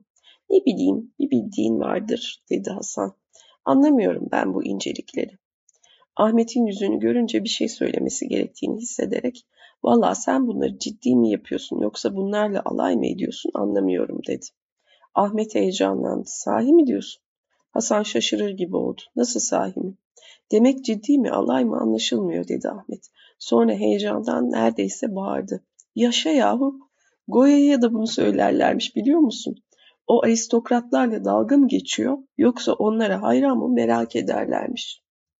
Sen herhalde bu insanlara hayran değilsin. Hasan eliyle resimleri gösteriyordu. Değilim tabii dedi Ahmet ama gene de onları biraz anlamaya da çalışıyorum. Ya da onları kavramaya ve Türkiye hakkında. Çok heyecanlandın dedi Hasan. Ahmet bozuldu ama koşup Goya reprodüksiyonlarını getirdi. Kalın kitabı sayfalarını çevirerek Hasan'a göstermeye başladı. Şunlara bak şunlara diyordu arada bir. Yeni anlıyorum Goya'yı. Sen şimdi bunları taklit mi ediyorsun dedi Hasan. Sonra hemen ekledi. Hiç benzemiyor yaptıklarım bunlara. Aa dur bu çıplak maya değil mi? Tamam bunu biliyoruz. Böyle bir film gelmişti görmüş müydün? Bu çıplakla alay mı ediyor ressam? Ahmet Hasan'ın yanında ayakta duruyor, kucağında duran kitabın sayfalarını acele acele çeviriyordu. En sonunda aradığı şeyi kurşuna dizilenleri buldu. Ne diyorsun peki buna? Vay canına, çok güzel. Zaten biliyordum ben bu resmi. Ya dedi Ahmet, gördün mü? Sonra birden irkildi. Goya ile mi yoksa kendiyle mi gururlandığını ayıramıyordu artık. Biraz yatışır gibi olunca ona niye bunları gösteriyorum diye düşündü. Beni anlasın diye. Beni anlaması için Goya'yı mı anlaması lazım? Öfkelendi ve Hasan'a kötü şeyler söylemek geçti içinden. Hadi kap şunu dedi. Anlamıyor, sevmiyorsun sen. Evet, hoş şeylermiş doğrusu dedi Hasan Sonra düşünmeden ekledi. Biz sanatı ihmal ettik son zamanlarda. Böyle çok kullanışlı, ezberden söylediği cümleleri vardı. Ahmet uzaklaşmıştı ama o hala sayfaları çeviriyordu. Bak bak o da senin gibi kedi yapmış. Bir çocuk, bir kuş, kediler. Çocuksu bir tavır takılmıştı. Bunlar da evet gülünç. Krallar, kibar kadınlar. Haha sevdim Goya'yı. Aferin Herife. Birden kitabı kapadı, ayağa kalktı, gerindi, hafifçe gülümsedi. Gülümseyişi, yaşa be, bana eğlenceli birkaç dakika geçirttin diyordu. Çay getireyim dedi Ahmet. Dikkatle Hasan'ın yüzüne bakıyor, aklından devrim, sanat, devrimciler konusunda bulanık düşünceler geçiyordu. Hasan Ahmet'in resimlerine de baktı bir an. Sonra neşeli yüzü rüyadan gerçeğe dönerek kasıldı. Bak sen de kediler yapmışsın. Burjuvalar ya da neyse işte şu insanları yapmışsın. Bakınca bir şeyler hissediyorum şimdi. Utanır gibi olmuştu. Gerçekten seziyorum bir şeyler ama ama kardeşim bunlarla sen de biliyorsun herhalde devrim olmaz. Bu işin suçlusu kendisiymiş gibi çekingenleşti. Ahmet orası öyle diye mırıldandı. Ama bu da bu resimler hiçbir şey demek değildir. Hasan rahatlayarak evet değildir tabii dedi esnedi. Ahmet nasıl yuttum o lafı diye düşündü. Sinirlenerek bağırdı. Üstelik bunların devrime etkisi olmayacağı da tartışılır. Hasan bir daha esneyerek evet ama şimdi bunu tartışmayalım dedi. Bir sigara yaktı. Arkadaşlarla konuşuyorduk geçenlerde sen geldin aklıma. Dur çay getireyim dedi Ahmet içeri girdi. Şimdi niye geldiğini açıklayacak diye düşündü. Çayları doldurup odaya girdi. Hasan odanın içinde yürüyordu. Evet sen geldin aklıma. Niye? Kaç şeker? Ben alırım. Bir dergi çıkarıyoruz. Oo dedi Ahmet. Öyle olmadığını bal gibi biliyordu ama gene de sordu. Sanat dergisi mi? Hasan ciddiyetle. Yok siyaset dergisi dedi. Sanat ve siyaset dergisi derdiniz. Şimdi öyle yapıyorlar ya artık. Dinle Ahmetçim. Ciddiyim. Demin söylüyordum lafı ağzıma tıktın. Biliyorsun tip ve MDD arasında gidip gelen ya da ikisinin de doğru yanlarını benimseyen bir sürü arkadaş var. İstiyorsan bağımsızlığın tadını çıkararak onlarla kararsızlar diye alay da edebilirsin ama değiller. Ben de bir tipli olmama rağmen onlardan biriyim. Dediğim gibi ne tipin parlamenterizmini ne de ötekilerin gürültü patırtısına inanmıyorlar. De derlenip toparlanmamız için iki tarafı da sıkı bir eleştiriden geçirmek, bir de kendi görüşlerimizi ortaya koymak durumundayız. Bu da bir dergi gerektirir. Şimdi senden isteyeceğim şu. Derginin kapak, sayfa düzeni, tek tük desen gibi sanat işlerinde bize yardım eder misin? Dur dinle bir saniye. İkincisi bize maddi yardım. Canım düpedüz para yardımı yapar mısın? Ahmet hiç düşünmeden tabii tabii yaparım dedi. Dur yahu biraz düşün hemen karara varıyorsun. Sen yardımımı istiyor musun istemiyor musun dedi Ahmet. İstemesen buraya gelmezdim dedi Hasan sonra aceleyle düzeltti. İstemeseydim açmazdım bu konuyu. Ama düşün de sağlıklı bir karar ver istiyorum. İyi işte. Düşündüm taşındım bile. Yalnız şunu söyleyeyim. Bende çok para yok. Hatta hiç para yok. Keyifle ekledi. Babam ne var ne yok hepsini yiyip bitirmiş. Meteliksizim ben. Daha da keyiflenerek heyecanlandı. Şu katın yarısı benim sayılır ama imar affı çıkmazsa bu kaçak kat da gidiyor. Senin babanın bir katı nerede? Yalova'da mıydı? Az da olsa bir toprağı var değil mi? Hasan'ın yüzüne bakıyor gülüyordu. Sonra birden elimden geleni yapacağım dedi. Ders veriyorum. Hasan onu avutmak istiyormuş gibi canım para önemli değil dedi. Sen hemen karar veriyorsun. Ben onu söylemek istiyorum. İdeolojik olarak aynı çizgide miyiz? Niye aramızdaki ayrılıkları büyütüyorsun? Büyütmüyorum. Bu sağlam bir beraberlik olsun istiyorum. İlkesiz, eleştirisiz bir birlik hemen çözülmeye mahkumdur.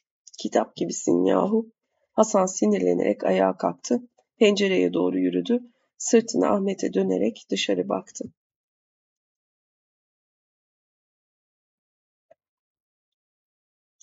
Hava çoktan karardı. İçerisinin ışığı camda yansıdığı için bir şey göremiyordu herhalde.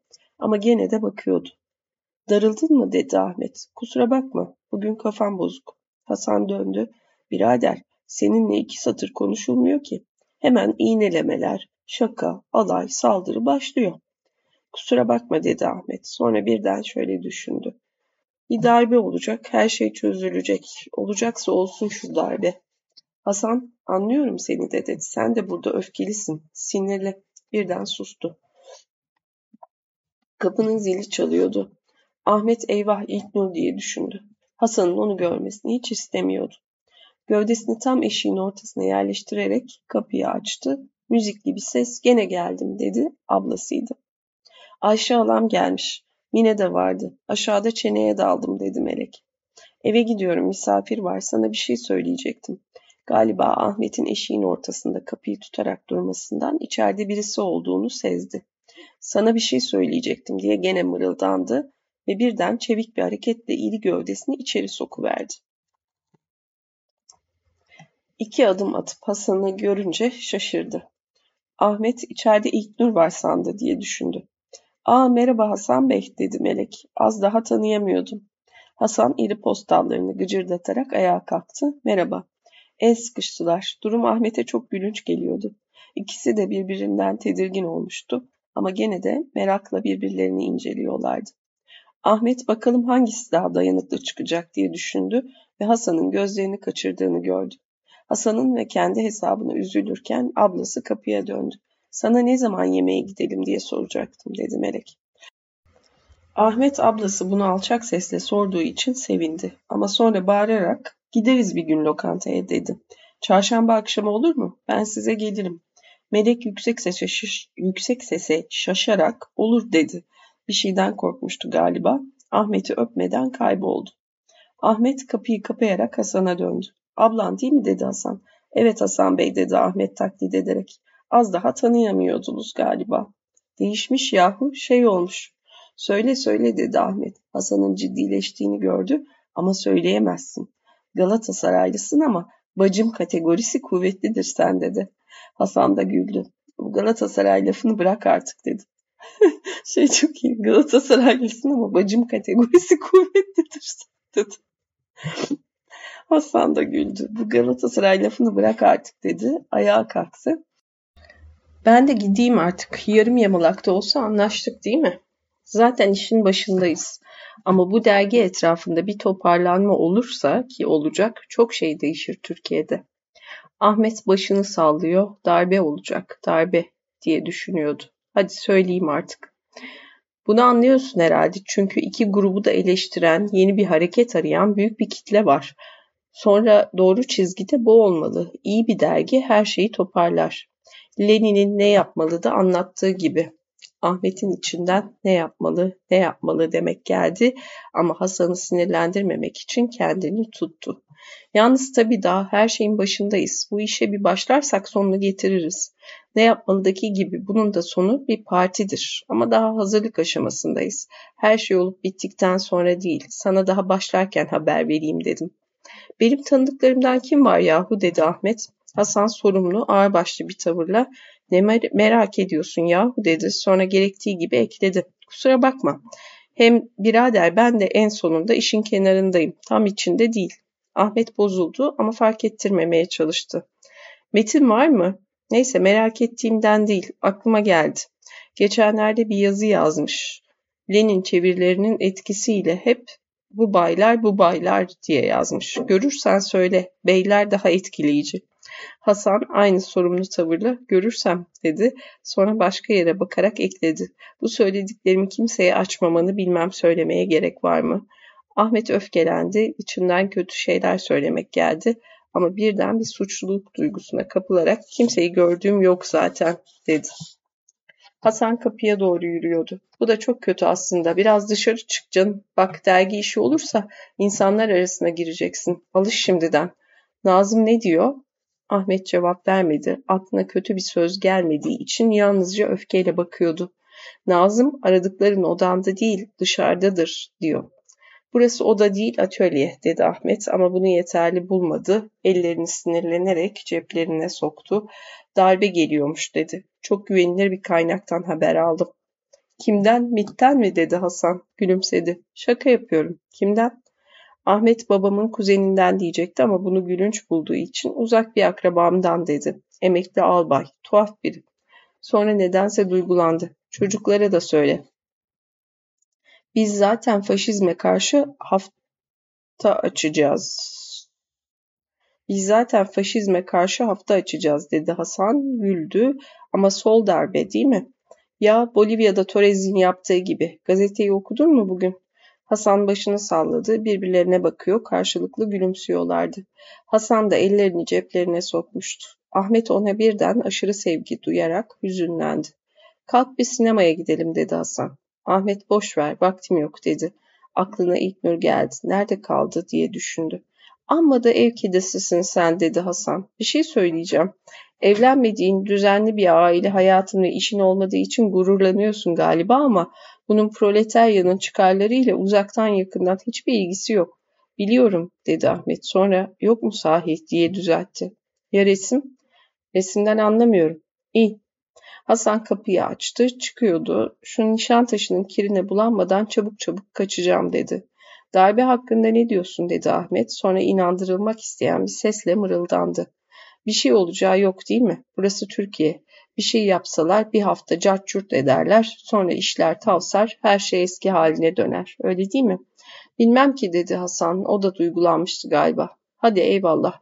Sarılıp Ahmet'i yanaklarından öptü. Bir şey istemeyeceğin zaman da gel.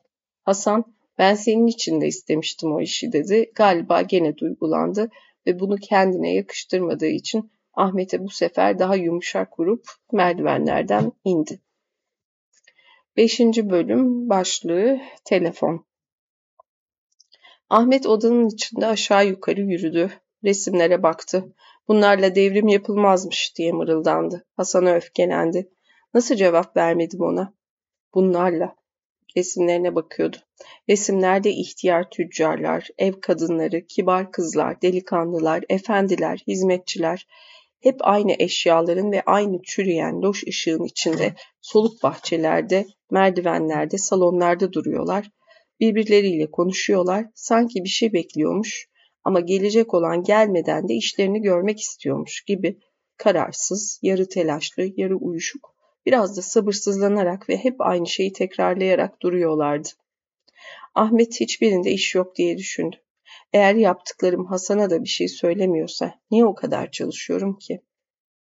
Avunmak için futbol maçı dizisine baktı. Maça gitmek için kuyrukta bekleyenler, köfteciler, ateşli taraftarlar, bağıranlar, donuk suratlı futbolcuları çizmişti. Birden bir umutsuzluğa kapılarak bunların da bir anlamı yok diye düşündü. Nedir yani şimdi bunlar? Bunlar ne işe yarar? Bunları kimin için yapıyorum? Hepsi kötü. Hepsi çiğ, yüzeysel, sahte, içtenliksiz, bayağı. Goya'nın, Bonar'ın, sonra bütün empresyonistlerin defalarca yaptığı şeylerin bayat bir tekrarı. Korktu. Böyle umutsuzluk anlarında böyle umutsuzluk anlarında yaptığı gibi çalışmaya başlamadan önce verdiği yargıyı hatırlamaya çalıştı. Evet o zaman beğenmiştim. Hepsini toptan kötülememiş, kusurları ve başarıları görmüştüm diye düşündü. Şimdi de aynı şekilde görmeye çalışmalıyım.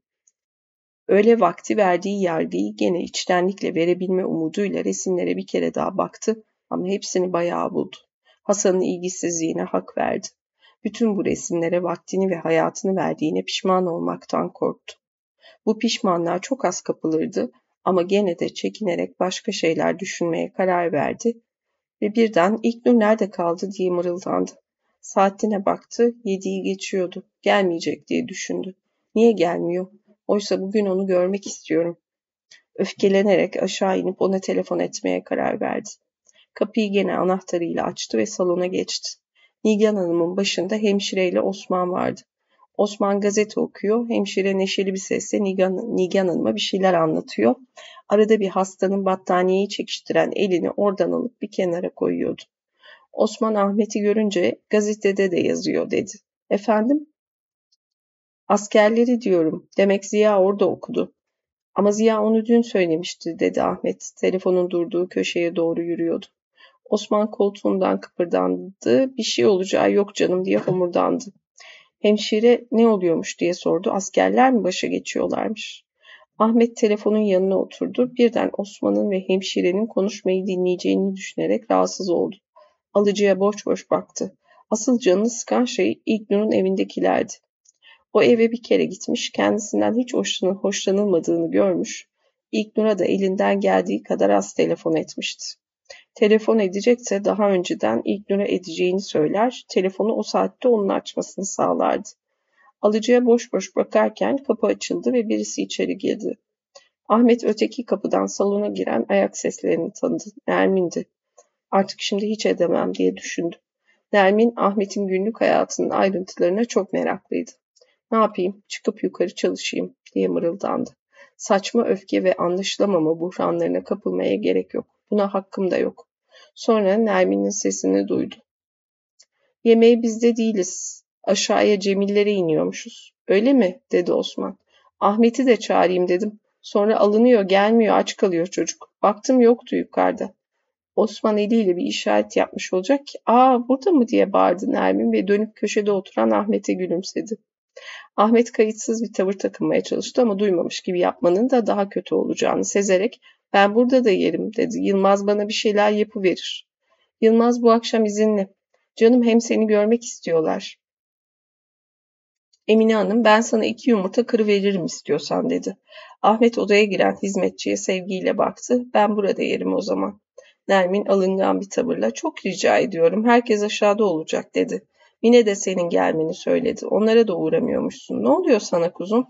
Peki peki dedi Ahmet. Kaçta? Yarım saat sonra gel aşağı dedi Nermin. Alıcıya baktı. Telefon mu edecektin? Vazgeçtim dedi Ahmet. Ayağa kalktı. Nermin'in gidebileceğini düşünerek biraz beklemeye karar verdi. Esnedi. Nermin Osman'ın önünden geçerek dışarı çıkıyordu. Osman seslendi. Belki bu sefer tanır annem seni. Soru ver hadi. Bir kahkaha attı. Kaç yaşına geldin ama hala çocuksun dedi Nermin. Dışarı çıktı. Ahmet telefonun başına oturdu. Aceleyle çevirmeye başladı. E ne diyeceğim ona diye düşündü. Yüreğinin hızlandığını fark etti. Telefonu bir kadın açtı. İlknur'un annesi olmalıydı. Ahmet İlknur'la görüşmek istiyorum efendim dedi. Kibarlığına kızdı. Gözünün ucuyla Osman'a baktı. Gazete okuyordu. Kimsiniz siz? Bir arkadaşıyım. Çok kısa bir sessizlik oldu. Kadın bir şeyler söyleyecekti ama galiba caydı. Bir dakika bekleyin dedi. Ahmet alıcıyı kulağına iyice yaslayarak beklemeye başladı. Evin içindeki sesleri dikkatle dinledi. Neşeli kahkahalar, bağrışmalar, bir de Alaturka müzik duydu. Birisi aşk olsun size Nimet Hanım diye bağırdı. Ahmet duvarda Cevdet Bey'in resmini gördü. Cevdet Bey gülümsüyormuş gibiydi ama öğüt verir bir hali de vardı.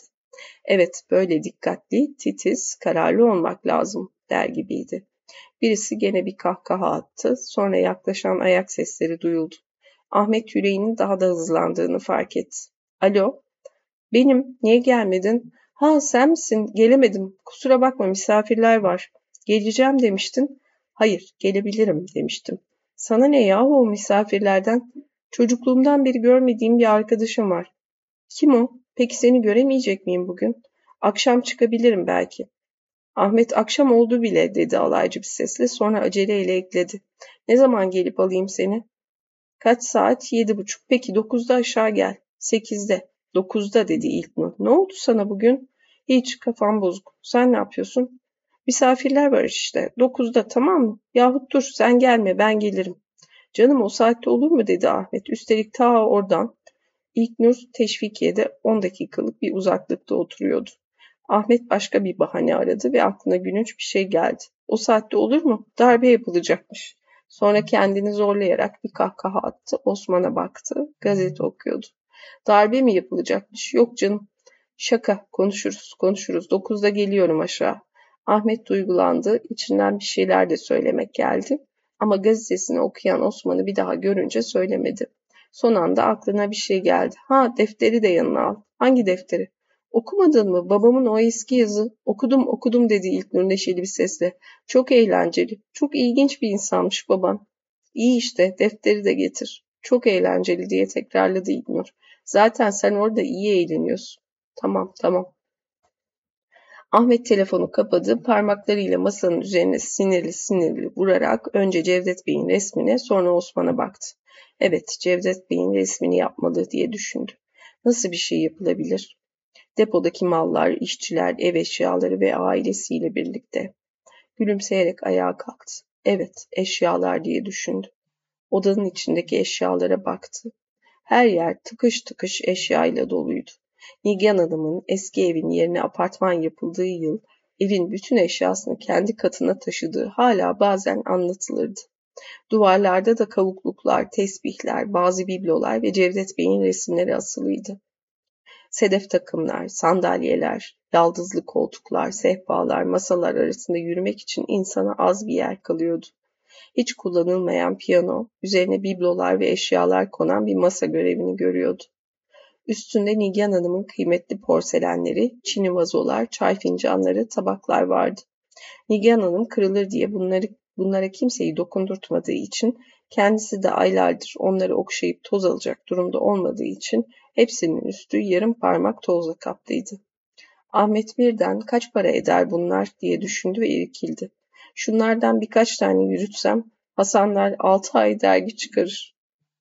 Büfenin vitrininde duranlar herhalde en pahalılarıydı.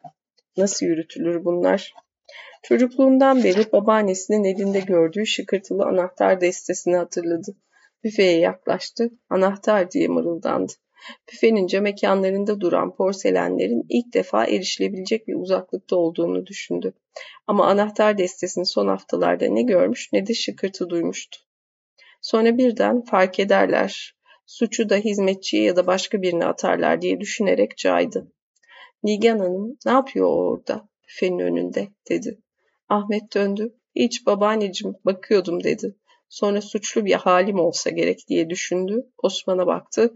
Senin baban, senin baban çok büyük bir insandı dedi Nigan Hanım. Ahmet şüpheyle kim dedi. Senin baban dedi Nigan Hanım. Baban Cevdet Bey. Her şeyi okurdu. Gözlerini kırpıştırıyordu. Osman gülümsüyordu. Hemşire Ahmet'in oğul değil, torun olduğunu açıklamaya başladı. Nigan Hanım bir şeyler mırıldandı. Ahmet sabah iyi bakamadığı kitaplara ve dolaba bir kere daha bakmaya karar vererek koridora yürüdü. Tıkırtılı saatin yanındaki odaya girdi. Babasının bu odada 10 yıl yaşadığını, burada öldüğünü düşünerek kitaplara bakmaya başladı ama gene bir şey bulamadı. Dolabın gözünde de bir şey yoktu. Babasının Tarım Bakanlığı'nca bastırılan kitabıyla Muhittin Nişancı'nın bir şiir kitabını alıp odadan çıktı. Yemeğe inerken yanına almak istemediği için kitapları yukarı bıraktı. 6. bölüm başlığı Yemek Ahmet saat 8'e çeyrek kala üç merdiven aşağı indi. Cemillerin kapısını çaldı. Mutfak kapısını açan hizmetçi kız başkalarına yaptığı gibi koşup ona büyük ana kapıyı açmadı. Eğlenceli, neşeli bir şey görmüş gibi gülümseyerek mutfak kapısından onu içeri aldı. Ahmet biraz mutfak kokusunu koklamak, telaşı seyretmek, ne yemek olduğunu öğrenmek için, biraz da içerideki kalabalığa kendini hazırlamak için mutfakta bir bardak su içti. Gazetelerdeki reklamları hatırlatan buzdolabının kapısını kaparken Evet, ben ressamım, hep resim yapacağım diye düşündü, salona girdi. İçeri girer girmez Ayşe halasıyla karşılaştı. Halası onu görünce unuttuğu bir şeyi hatırlayıvermiş gibi birden başını geriye atarak ah dedi. Sana yukarıya gelecektim. Bir ahbabımızın kızı evleniyor. Hediye olarak senin bir resmini götürelim diyorduk. Ahmet olur mu halacığım? Gelin bir tane hediye edeyim dedi. Yok parasıyla dedi Ayşe hala. Ahmet'in yüzünü görünce o zaman almayız dedi. Sonra içki içen kocasına seslendi. Remzi'ye hediye etmek istiyor. Bir köşede üç erkek, Remzi, ev sahibi Cemil ve Lale'nin kocası Necdet içki içiyorlardı. Ahmet'i görünce seslendiler. Ahmet onların yanına gitti. Odada ağır bir duman vardı. Sehpanın üzerinde içki bardakları, kaseler içinde fındık fıstık duruyordu. Üç erkek bir an düşünceli düşünceli Ahmet'e baktılar. Necdet yanında Ahmet'e yer gösterdi. Bir içki alır mısın dedi Cemil. Viski, cin, tonik. Teşekkür ederim bir şey içmeyeyim dedi Ahmet.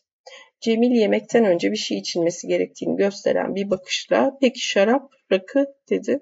Portakal suyu, peki portakal suyu. İçeriye seslendi. Sonra Ahmet'e dönerek nasılsın bakalım kuzen hiç uğramıyorsun dedi.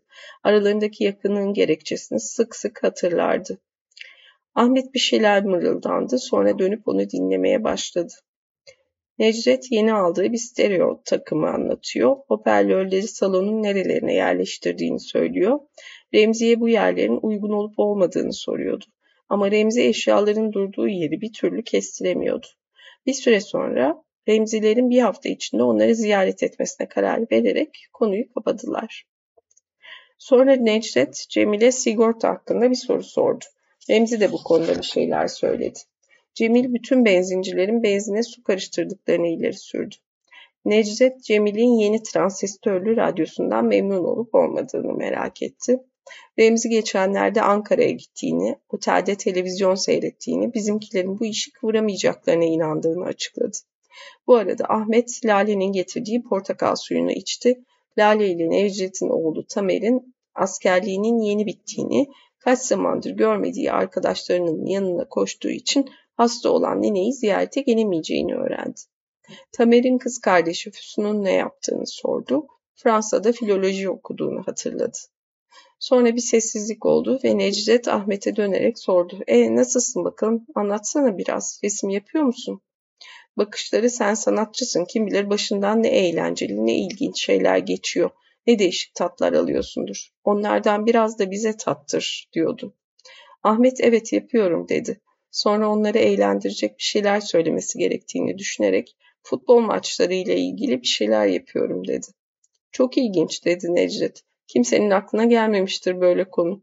Malzeme toplamak için maçlara gidiyor musun? Ahmet ona resimler hakkında birkaç söz söyledi ama ister istemez kabaca da olsa resmin sorunlarından söz açtığı için ilgi çekici olmadığını anladı. Necdet bu sefer evet ne yazık ki senin yaptığın şeylerin de kendine göre dertleri var diyen bir bakışla bakıyordu. Sonra birden kollarını açarak şu büyüklükte yeni bir resim şimdi kaçadır aşağı yukarı dedi. Ahmet'in kararsız baktığını görerek aşağı yukarı diyorum diye tekrarladı. Ahmet 3000 4000 liradır dedi.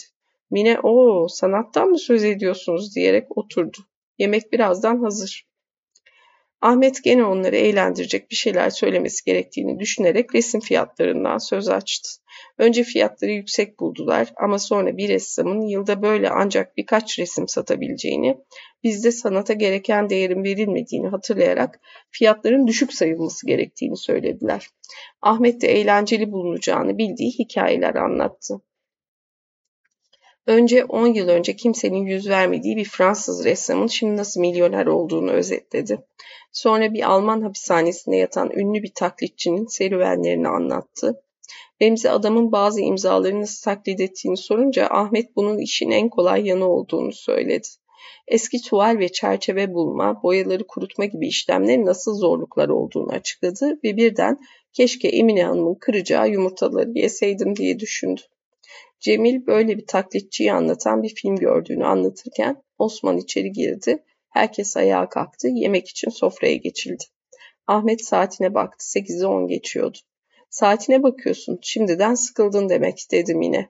Yo dedi Ahmet. Niye hiç uğramıyorsun? Ahmet bir zamanlar ona uğrar gevezelik ederdi ama şimdi vakit bulamıyordu. Bir şeyler mırıldanarak gülümsedi. Ahmet Osman'la Cemil'in arasına oturdu. Yemek sofraya geliyordu. Ahmet mutfağa girdiğinde görmüştü ama bir daha dikkatle baktı. Bonfile ve patates kızartması. İyi ki yumurta yemedim. Gıdama dikkat etmem gerek diye düşünerek can sıkıcı düşünceleri bastırdı. Tabağını uzattı. Cemil, e ne diyorsun bakalım, ne olacak dedi. Yurt sorunlarından söz etmek gereği duyduğu zaman takındığı hüzünlü ifade vardı yüzünde. Ahmet'i görünce yurt sorunlarını hatırlatırdı. Ne olacak dedi Ahmet ama sonra ekledi. Bir şeyler olacak galiba. Nasıl? Askeri darbe olacakmış diyor dedi Osman. Bunu oğluna eğitici, öğretici bir tavırla söylemişti. Bakışları sanki sen fabrikadan ve evinden başka bir şeyi düşünemezsin diyordu. Gazetede bir şeyler vardı dedi Cemil. Ziya söylemiş Ziya dedi Osman. Dün gece gelmiş askerler her şeyi alacaklar demiş. Aa ben onu yıllardır göremedim dedi Cemil. Ama biz Ahmet'le konuştuk bir şey olacağı yok diye düşündük. Öyle değil mi Ahmet?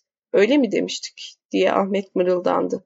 Bonfilesini acele acele kesiyordu. Şu Ziya amcayı bir görmek isterdim dedi Cemil. Necdet'e döndü. Babamın kuzeni. Emekli albay ama çok ilginç bir insan galiba. Bugün gelir diye yukarıda bekledim ama gelmedi dedi Osman. Artık hiç gelmez. Aylar yıllar sonra bir gün gelir çıkıverir. Tabii çok yaşarsa. Sonra birden utandı. Gelir o gelir diye söylendi. Gene gelir. Şey gibi. Hayalet gibi. Hayalet. Cemil hayalet ağa diye tekrarladı. Necdet geçenlerde Tarıklara gittik. Karısı ruh çağıralım diye tutturdu diyerek güldü. Ben inanmam. Lale de inanmaz ama ısrar ettiler. Masaya oturduk. Korktum canım. Karısı iyice inanıyor. Kendinden geçti. Tarık için biliyor musun? Üzüldüm. Evleri ruh ve madde dergileriyle dolu. Mine onun karısı bir ara depresyon geçirmişti değil mi dedi. Biraz salata alabilir miyim? Evet evet kafadan biraz dedi Cemil bir kahkaha attı. Lale galiba Tarık'ın bir başka kadınla şeyi varmış dedi. Çocukların önünde dedikodu yok dedi Mine. Görümcesine gülümsedi. Canım ne çocuğu Allah aşkına dedi Cemil. Araba isterlerken çocuk oluyorlar mı? Herkes dönüp Cevdet'le Kaya'ya baktı. Remzi, ee Cevdet liseyi bitiriyor. Nereye gideceksin? dedi. Dışarıya yollayacağım onu dedi Cemil. Burada okunmuyor ki. Kararını onaylayıp onaylamadığını anlamak için dönüp Osman'a gözünün ucuyla baktı. Sonra ekledi. Dedesi de öyle istiyor. Evet, üniversitelerin hali felaket dedi Remzi. Allah'a şükür bizimkiler bitirdi. Yalnız üniversite mi dedi Necdet? Her şey felaket. Her şeyden önce balık baştan kokmuş. Kıç ne yapsın? Bir gülüşme oldu ama sonra bir sessizlik başladı. Lale, Necdet sen artık içme dedi. Yok yahu haklı dedi Cemil. Adam benzine su karıştırıyor. Söylemiştim değil mi? Kimse onu kontrol etmezse, kimse onu cezalandırmazsa adam niye karıştırmasın?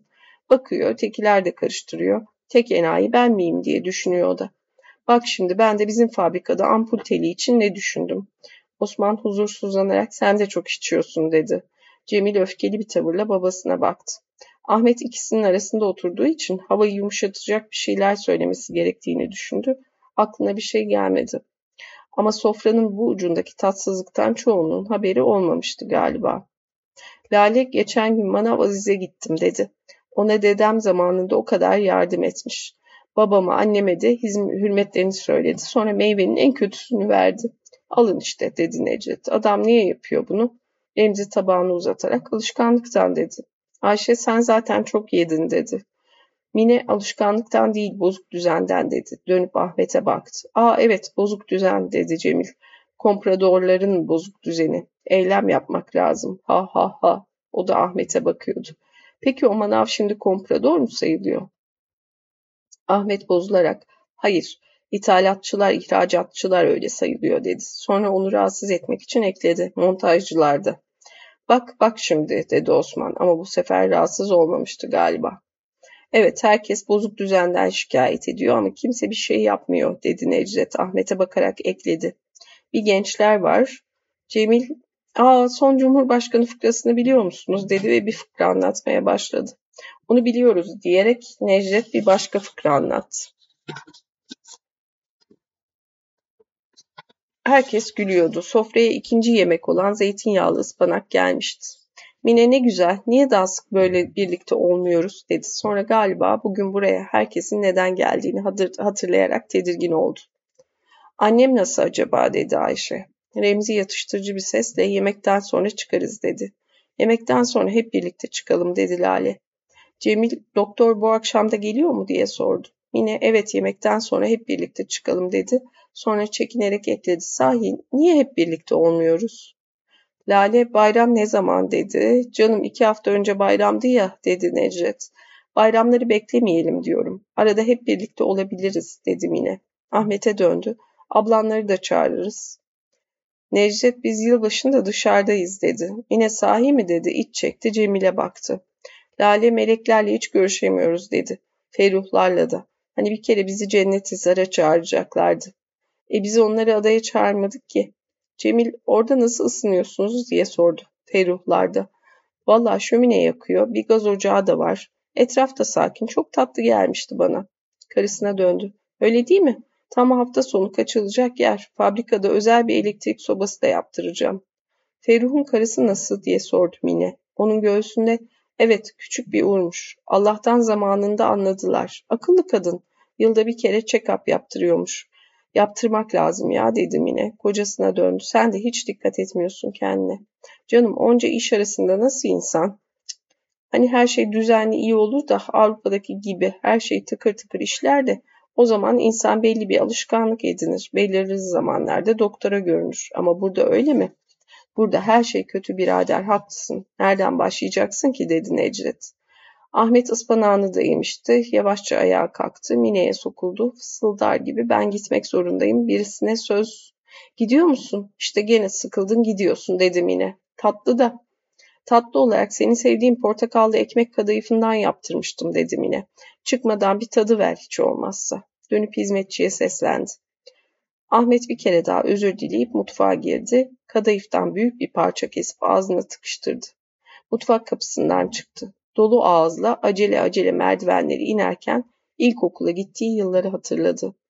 Caddeye çıktı. Cumartesi akşamı 9'a doğru Nişantaşı meydanı kalabalıktı. Dükkanların çoğu kapanmıştı. Pastanelere, mezecilere, çiçekçilere hala girip çıkanlar vardı. Bir kuru kahveci dükkanının kapısını açmış leblebi kavuruyordu. Tombalacı hala aynı köşedeydi. Trafik açılmıştı ama arabalar gene ağır ağır gidiyordu.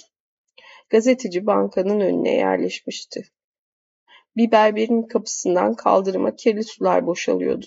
Otobüs durağında kalabalık vardı. Okulların önünde arabalar park etmişti. Karakolun köşesinde trafik tıkanmıştı. Gece yarısını bekleyen bir polis cipinin ışığı yanıp sönüyordu. Ahmet biraz yürüdükten, temiz havayı içine çektikten sonra kendini kirlerden arınmış, temizlenmiş hissetti. Niye iniyorum aşağıya diye düşündü. Hayatı görmek için diye mırıldandı. İnsanları, günlük hayatı görmek, yaşamak için. Sonra ama yaşamak için değil ki o diye düzeltti. Onlara katılamıyorum. Onlara katılamadığım için bazen sıkılıyorum. Kendimi beğeniyormuşum gibi bir halim olmalı. O neşeye katılamadığım için kıskanıyorum onları. Caminin önünden geçiyordu. Yok canım o kadar da değil diye söylendi. Çağırdılar, ısrar ettiler gittim. Bonfile de iyiydi. Teşvik yeni köşesinden sola saptı. İlk Nur diye mırıldandı. Onunla her şeyi konuşabileceği için rahatladı. Saat 9'a 2 kala apartmanın az ötesinde beklemeye başladı.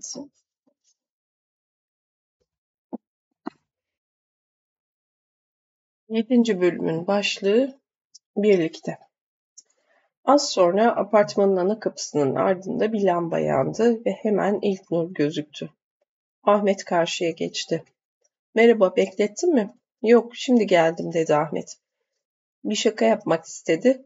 Heybesiz de dolaşamazsın. Parka gibi sen de heybe. İknur sert sert, e, defteri getir demedin mi sen? dedi. Ahmet şaşırdı sahi, özür dilerim diye mırıldandı. Yürümeye başladılar. Ahmet öfkeli diye düşündü. Bir şey konuşmuyorlardı. Hani her şeyi anlatacaktım. Bir umutsuzluğa kapılır gibi oldu. Çalışmaktan, resim yapmaktan başka bir şey yok benim için diye düşündü. Küçük buluşmalar, gevezelikler, avuntu bile değil. Çalışma gücü bulmak için bunları bekleyip kendimi aldatıyorum. Birden düşündü ve korktu. Her seferinde zaten gitmesini ve çalışmaya başlamayı isterim. Endişelenerek yok, yok, yok diye mırıldandı. Ne kadar özlüyorum ben onu. Gözünün ucuyla ilk buna baktı. Güzel değil ama sevimli diye düşündü. O olmasa artık hiç yaşayamam. E hala niye susuyor peki? Caminin önünden geçiyorlardı. Ahmet söyleyecek bir şeyler aradı ama kaçmıştı. Bir kedi gördüler, yanından geçerken baktılar ama tek kelime söylemediler. Karakolun önündeyken birden İlknur evdekilerle atıştık dedi. Sessizliği açıklıyormuş gibi bir tavır takınmıştı. Polis cipinin ışığı hala yanıp sönüyordu. Bundanmış demek diye düşündü Ahmet. Rahatlayarak sordu. Ne oldu? Bu saatte nereye gittiğimi sordular. Ben de sana gittiğimi söyledim. Aynı şeyler. Evet hiç hoşlanmıyorlar değil mi benden? Biliyorsun dedi İlknur. Ne yapayım? Hoşlanılacak gibi değilim dedi Ahmet gülümsemeye çalıştı. Gene bir sessizlik oldu ama Ahmet rahatlamıştı artık. Tedirgin olmuyordu. Birazdan her şey gevşer, ikimiz de açılırız diye düşündü. Okulun yanındaki kitapçının önünde ikisi de kendiliklerinden durdular, vitrine bakmaya başladılar. Bayağı polis romanları, bayağı polis romanları, ucuz aşk romanları, takvimler, yılbaşı hediyeleri, lüks kitaplar sergilenmişti. İki gün önce Ahmet pahalı kitaplar arasında Modigliani hakkında bir kitap görmüş. Almak için değil, bakmak için içeri girmiş ama kitapçı hediyelik olduğunu müşterilere hatırlatmak için selefon kağıdı ve kurdelelerle sardığı kitabın paketini açmamış, alacaksanız açayım demişti. Ahmet'in içinden vitrinde duran kitaba baktıkça İlknur'a bunu anlatmak geçiyordu ama caydı. Tam kitapçının önünden ayrılırlarken İlknur saatli marif takvimiyle ilgili bir hikaye anlatmaya başladı. Annesi günün yemeğini okur, babası beğenmezse bir yaprak daha koparır, gene beğenmezse bir yaprak daha koparırmış. Böylece her yıl alınan takvim Şubat sonu gelmeden bitermiş. Ama annesi yaprakları sakladığı için günün yemeğinden yine de yararlanırlarmış. Ahmet bu hikayeyi eğlenceli bularak güldü. Sonra İlknur'un annesiyle babasına sevgi duyduğunu düşündü. Onlar kendisini sevmediği için hüzünlenir gibi oldu.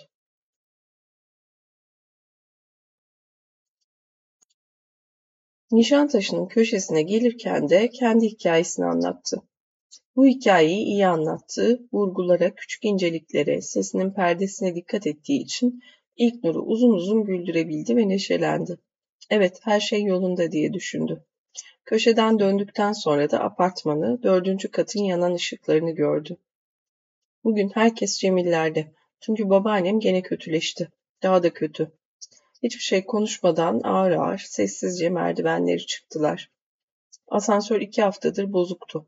Dördüncü katın önünden geçerlerken içeriden gelen uğultuyu duydular. Nigan Hanım'ın yattığı kat sessizdi. Ahmet kendi kapısının önündeyken nefes nefese kalan ilk nuru çok sigara içtiği için paylar gibi yaptı. Kapıyı açtı, ışığı yaktı. İlk nur içeri girdi. Oh dedi, ne güzel, bu kokuyu özlemiştim. Kokuyu mu beni dedi Ahmet. Çayın suyunu koymaya içeri girdi. Ocağı yakarken İlknur'un resimlere baktığını düşündü, sabırsızlandı. Ocağa suyu koydu, aceleyle altını yakıp dışarı çıktı. E nasıl buldun bakalım? Son yaptığın galiba bu. İyi olmuş ama bu ihtiyar tüccarı bozmuşsun. Bozmuş muyum? Neresini? dedi Ahmet heyecanla. Baksana şunlara. Elbisenin ayrıntıları, kareler, mendilin kıvrımları. Niye bu saçma ayrıntılar üzerinde duruyorsun? Ahmet bozulur gibi oldu en iyi eleştirmenin İlknur olduğuna inanmak isterdi. Bir şeye başlıyorsun, düşünce ya da anlatmak istediğin şey iyi. Onu yerli yerine de oturtuyorsun. Ama sonra bilmiyorum neden, başlıyorsun ayrıntılarla oynamaya. Mendilin kıvrımları, gölge yapmayı yeni öğrenen genç ressam gibi hüner göstermeye çalışıyorsun. Al mesela ihtiyarın, ihtiyarın elinin üzerindeki şu lekeler, benler. Belki eskiden bunlar belirsizdi, düşünmüyorduk onları. Ama ne bileyim orada ben varmış gibi bir duygu uyanıyordu içimde. Ama şimdi onları gözüme sokuyorsun, bunu düşündüğünü göstermek istiyorsun. Neden? Ahmet çekinerek belki kendime güvensizliğimden dedi. Belki de seyirciye güvensizliğinden ya da anlaşılamama korkusundan. Çok ukala mıyım? Hasan geldi bugün dedi Ahmet. Resimlerimin ona hiçbir şey anlatmadığını söyledi. Sen de alındın tabii. Biraz. Ama şöyle bir şey de dedi. Ciddi mi olduğum, alay mı ettiğim anlaşılmıyormuş. Bayıldın tabii bu lafa. Kendini goya sandın. Bence o da yanlış bir saplantı. Ahmet gülümseyerek evet ukalasın dedi. İlk Nur da güldü. Heybesinden bir paket sigara çıkardı. Her zaman oturduğu hem resimleri hem de Ahmet'i görebileceği sandalyeye oturdu. Sigarasını yaktı. Eğlenceyi kendini hazırlamak istiyormuş gibi bir süre çevresine bakındı. Sonra sordu. Evet, ne yaptın bakalım görüşmeyeli? Beş gün oluyor değil mi? Hasan ne yapıyor? Sen Hasan'ı tanıyor muydun? Canım onu da işte herkes gibi sen anlattığın için biliyorum. Baştan başlayalım o zaman dedi Ahmet. Pazartesi öğleden sonra seni gördüm. Akşam çalıştım. Salı öğleden sonra iki Fransızca dersine gittim. Anlatmaya değer alay edilebilecek bir olay yok. Çarşamba o harika çocuğa resim dersi verdim. Olay şu, çocuğa ders verirken annesi ve birkaç misafir geldi.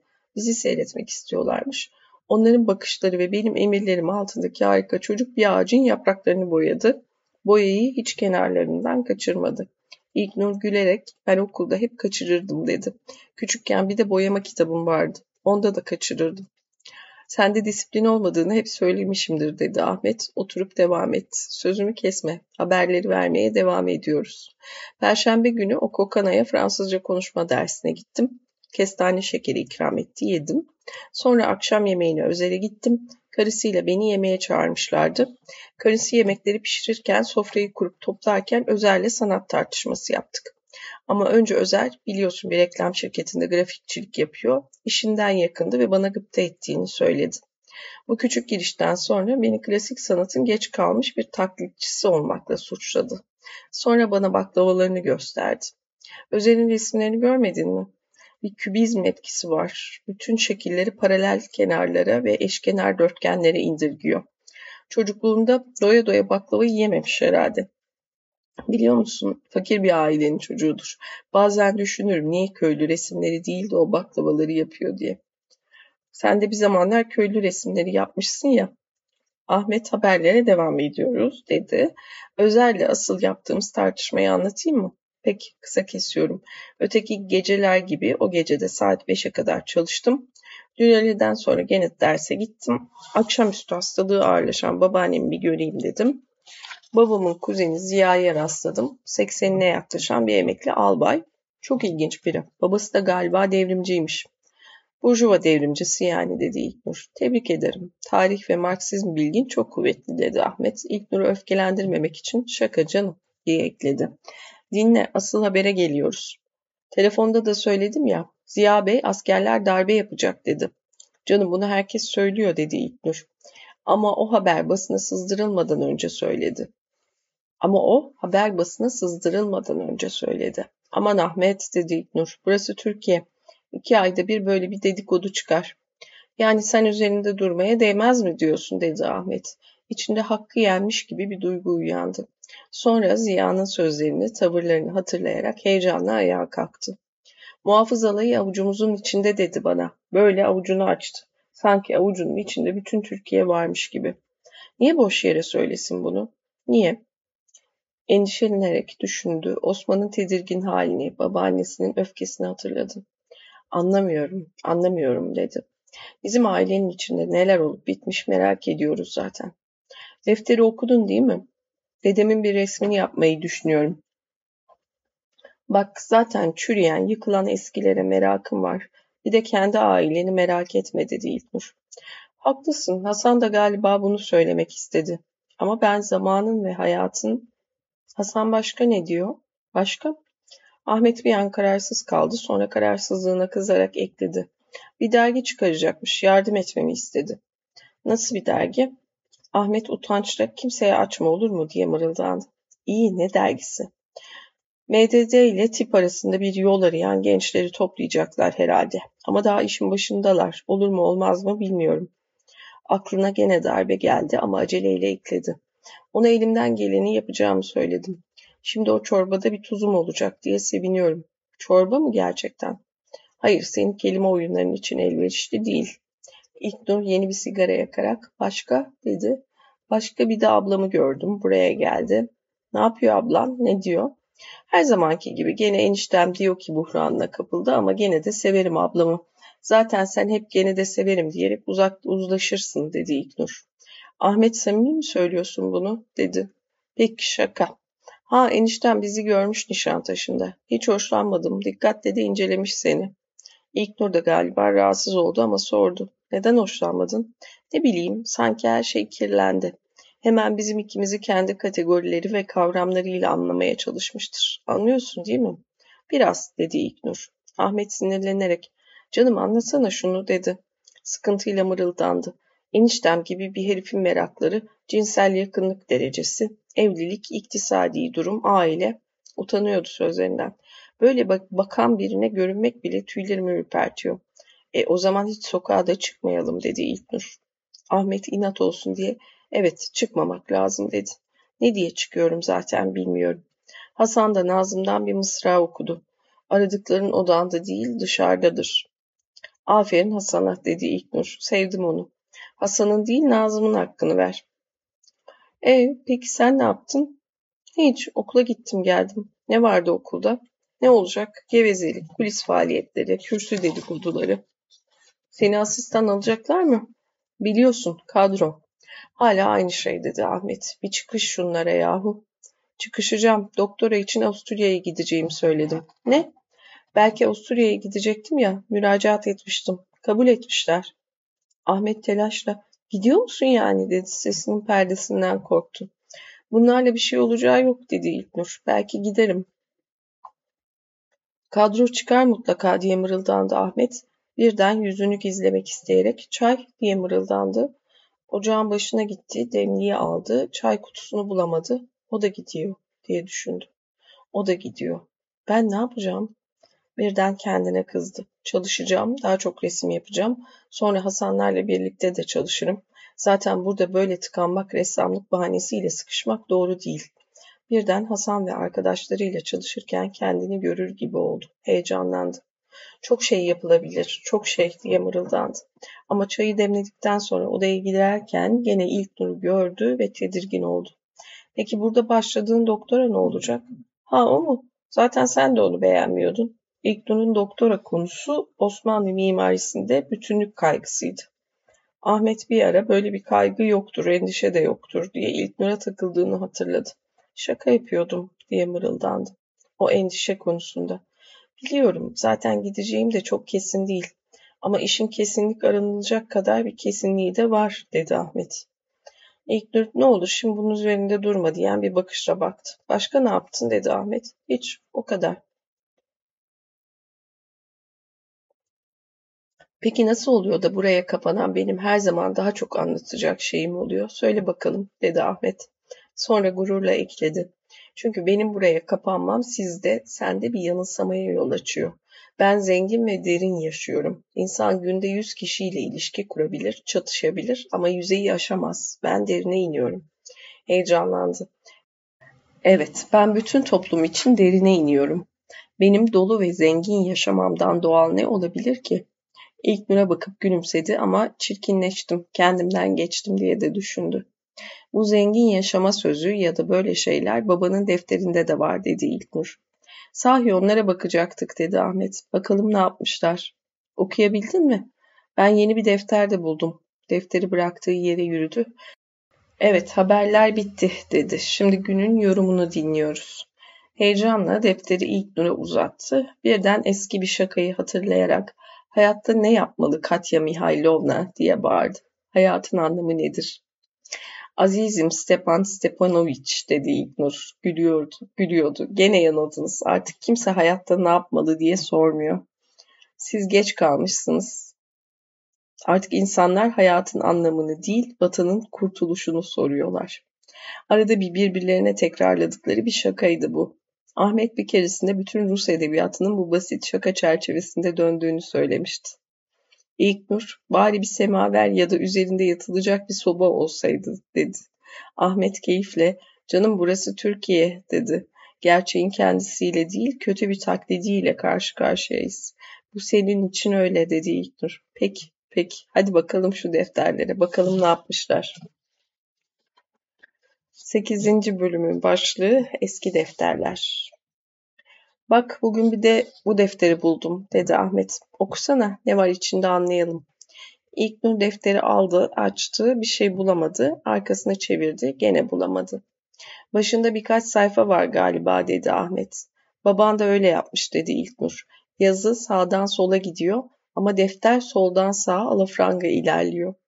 Ahmet efendim zihniyet alafranga diyerek güldü. İlknur gerçekten de öyle ama dedi. Ben sanırdım ki biz daha alafrangayız. Babam bizden bu halka çok daha uzak.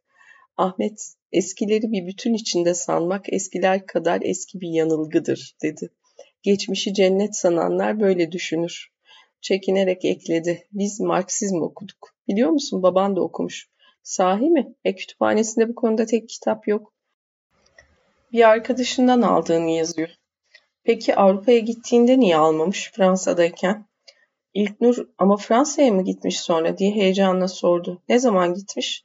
Gitmiş değil, gitti. Çünkü ben gidişine tanık oldum. Ahmet defterleri işaret ederek ya oku, okuduğun o masalların bir kahramanı da benim işte dedi. Bakmadın hala o deftere. İlknur birkaç sayfa çevirdi ve bir şey görerek güldü. Yarım asırlık ticaret hayatım. Okusana daha, dedemin işte. Fazla bir şey yok. Aynı cümle on kere yazılmış. Okunmuyor da. Babanın yazısı kitap yazısına daha yakın. Elle yazılmış. Arap harflerini okumak çok zordur. Anlaşılan sen doktoranı dışarıda yapacaksın. Ee, açma bu konuyu dedi İlknur. Deftere bakarak ağır ağır okudu. Burada Nigan'la birlikteyiz. Berlin öğretici olmuştur. Fotoğraf güzel şeydir. Bir şey yok burada. Bakacaksak ötekine bakalım. Babam Fransa'ya ne diye gitmiş? Bilmem aklına esti gitti herhalde. Başka ne var defterde anlatsana. Düşüncelerini, dertlerini yazmış. Biraz budala, biraz da eğlenceli bir insanmış babam. Yahu yorumu bırak da anlat, oku. İlknur okumaya başladı. 13 Eylül Pazartesi 1937. Dün Beşiktaş'a gittim. Muhittin'i gördüm. Bir meyhanede oturduk, konuştuk. Bana hiçbir şey söylemedi. Üstelik üzerinde o alaycı tavır vardı. Onunla konuştuktan sonra günlük hayat bana yasak bir şeymiş. Her saniye işlenen bir günahmış gibi gözükmeye başladı. Satır başı. Bugün yazıhaneye gittim. Bütün gün orada oturdum. İlknur kıkırdamaya başladı. Ahmet sinirlenerek aman ne var bunda ya bu kadar gülünecek dedi. Canı sıkılan vakti olan herkes böyle saçmalıklar yazar. İlknur ciddi mi söylüyorsun dedi. Hayal kırıklığına uğramış gibi oldu. Ama Ahmet'e beğendirmek için arayarak okumaya başladım. Niye onlar öyle de biz böyleyiz? Niye Rousseau ya da Voltaire okumak hoşuma gidiyor da Tevfik Fikret ya da Namık Kemal'den zevk alamıyorum? Başını kaldırdı. Bunlara ne diyorsun? Hepsi böyle mi dedi Ahmet. Evet bunun gibi. Olaylar da var tabii. Ne oluyor bakkalı gidip alışveriş ettiğini mi yazmış? Madem bu kadar ilgisizsin defteri bana niye verdin dedi İlknur. Ne bileyim belki ilginç bir şey çıkar diye düşünüyorum. İlknur gene okumaya başladı. Her sabah gazeteleri hayatımı değiştirecek, etkileyecek yeni bir şeyle karşılaşma umuduyla okuyorum. Bir sayfa çevirdi. Çok sıkı okuyorum. Bazı iktisat ve felsefe kitapları okudum. Bir sayfa daha çevirdi. Bu yazdıklarımı okudum. Günlük hayatımı doğru yansıtmıyor. Günlük hayatımın çoğu Perihan'la, yeğenlerle, Ayşe'yle, annemle gevezelikle, küçük basit işlerle geçiyor. Bak bunlar doğru dedi Ahmet. Herkesinki gibi sıradan hayat işte budur. Yüzeyleri aşamamış bir insan bu. Evet galiba haklısın dedi İlknur. Peki niye okurken hoşlandın? Başkalarının hatıra defterleri her zaman ilgi çekicidir. Evet ben de okurken acaba bundan mı hoşlanıyorum diye düşündüm. Ama babanda da cahillikle karışık ilgi çekici bir saflık var. Anlatmıştın. Daha da anlatmanı isteyeceğim tabii. Ama sana şunu sorayım. Karısı ve iki çocuğuyla oldukça rahat yaşayan zengin bir tüccarın böyle şeyler yaptığı nerede görülmüş? Türkiye'de olur böyle şeyler dedi Ahmet. Hem de sık sık. Kim? Örnek göster. Anılarını yazan emeklileri, sanat heveslilerini örnek gösterme bana. Bak tüccarken her şeyini kaybediyor. Karısını bile. Annem haklıdır dedi Ahmet. Canım bunları mı tartışacağız dedi İlknur yumuşak bir sesle. Bak biraz daha okuyayım bana hak vereceksin. Oku o kadar istiyorsan. 14 Mart Pazartesi 1938. Dün akşam gene Herr Rudolf'a gittik. Kimmiş bu adam? Bir Alman dedi İlknur. Babanda onun mektupları olmalı. Eskiler arasında belki bulursun. Bir gidip baksana. Sonra Süleyman Ayçelik'le de mektuplaşmış. Ne oldu? Eskileri küflüleri didiklemeye sen daha mı meraklandın şimdi? İlknur, canım eğleniyoruz işte diyen bir tavırla başını salladı, güldü ve okumaya başladı.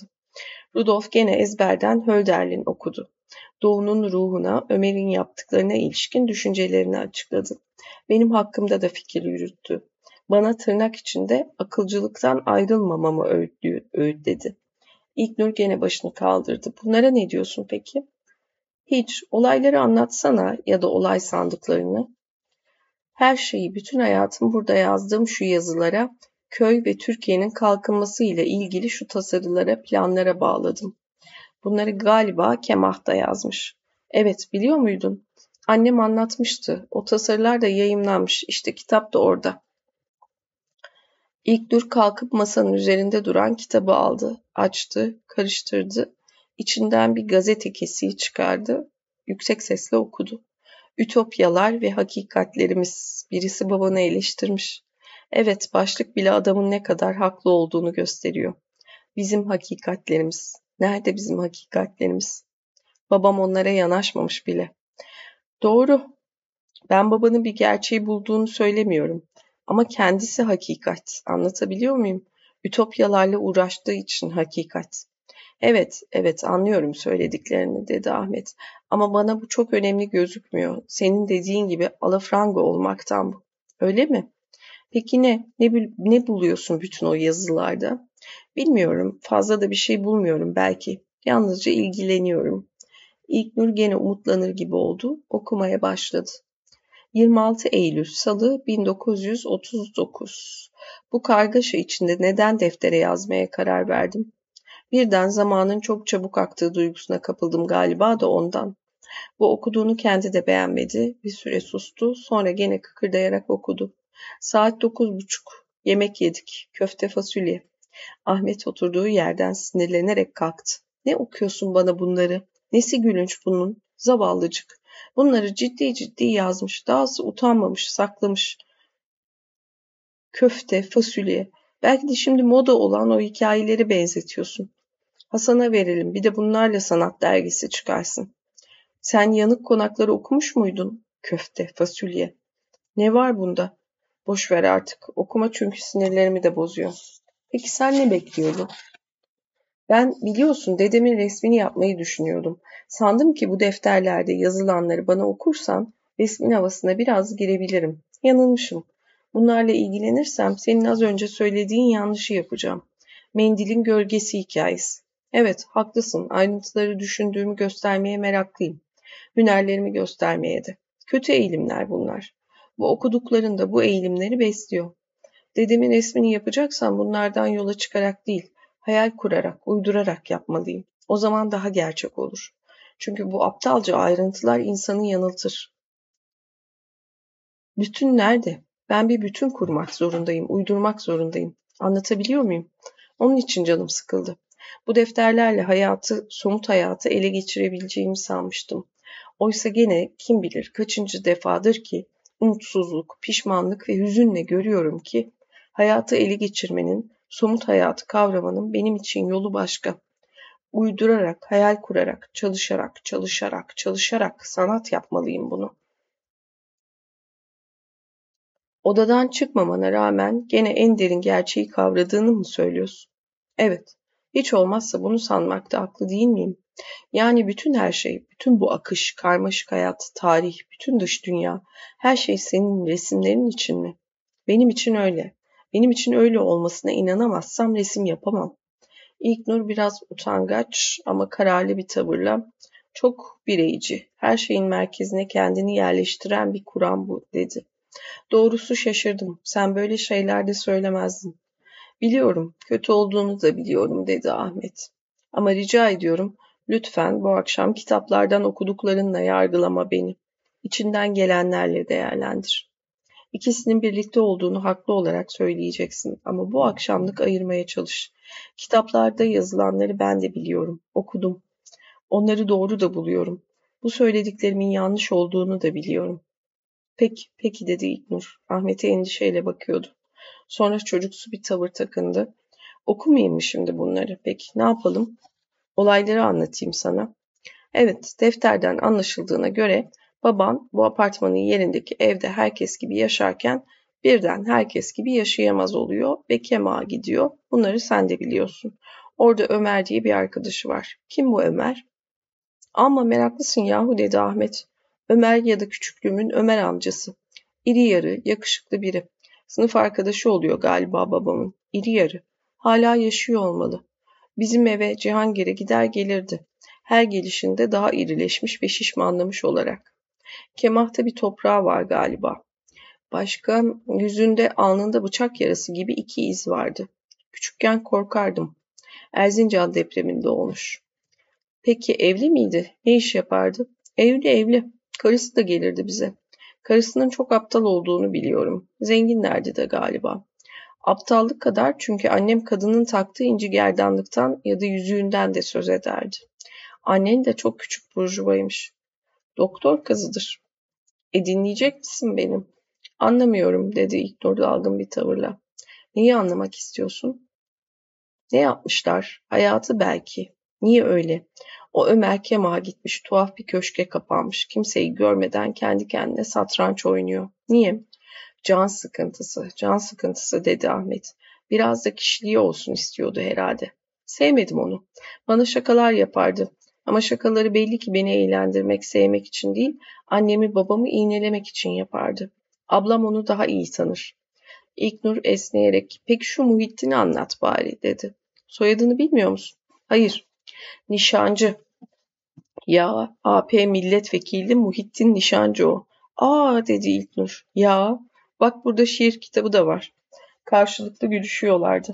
Ahmet şiir kitabını İlknur'a verdi. İlknur biraz karıştırdı. İlk sayfasını açıp okudu. Hayatını zevkle izlediğim genç tüccar arkadaşım Refiye. Ama kapa şunu dedi Ahmet. Niye ilgileniyoruz böyle şeylerle? Hadi ben ilgilendim ya sen? Peki annenle baban nasıl ayrılmışlar? Babam bir gün gene sarhoş olmuş. Ben Galatasaray'da yatılıydım. Gene her zamanki nutuklarından birini atmış. Memleketin yüzde doksanı aç, sefil, perişanken bir şey yapamamanın suç olduğunu söylemiş. Bu sarhoş olduğu nutuk attı lafları tabii annenin yorumu. Neyse nutuk atıyor ya da başka bir şeyler anlatıyor, anlatıyor. Sonunda artık bir şey yapmanın zamanı diyor. Yani eylem, eylem diyor. Doğru. Annem de şunu söylüyor. Yapabileceğim tek şey var bavullarımı toplamak. Bavullarını da topluyor. Çok dramatik. Ama herkes yapamaz bunu. Annem de çıkışıyla yıllardır gururlanır. O zaman babanın mali durumu nasılmış? Sıfıra yakın. Şirketin hisselerini satmış, yayın evi kurmuş, paraları yemiş. Bir de Paris'e gitmiş. Paris'te ne yapmış, ne zaman gitmiş? Bilmem. Hayatın anlamını aramıştır belki. 1951'de gitti galiba. Yo, baban hayatın anlamı kadar vatanın kurtuluşunu da arıyordu. Kim işini gücünü bırakır da hiç satmayacak kitaplar yayınlar. Evet, vatanın kurtuluşunu odasında arayan bir Robinson ya da Paris'teki bir otel odasında.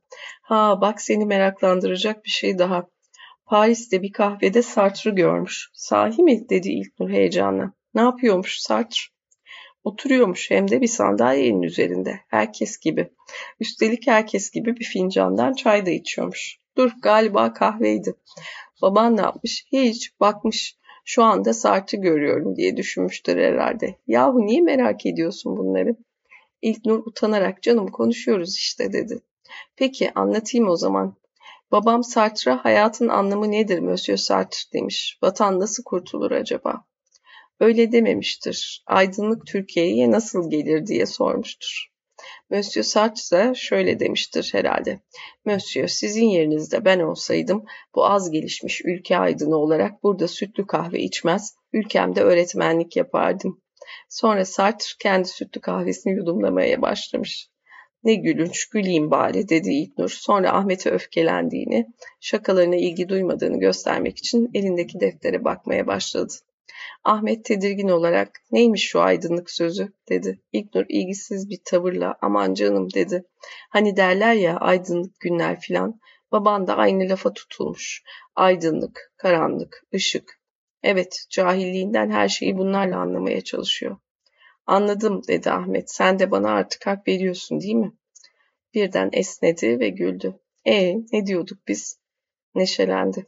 Söyleyin kuzum, Katya Mihailovna, biz neden söz ediyoruz?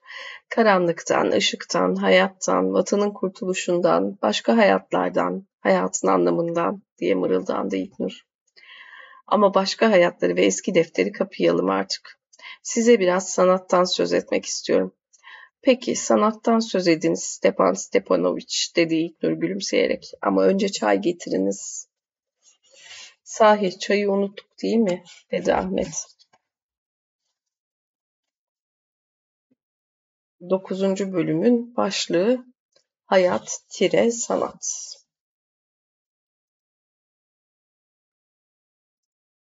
Ahmet çayı temiz fincanlara, fincanları da bir küçük tepsiye koydu. Odaya girdi.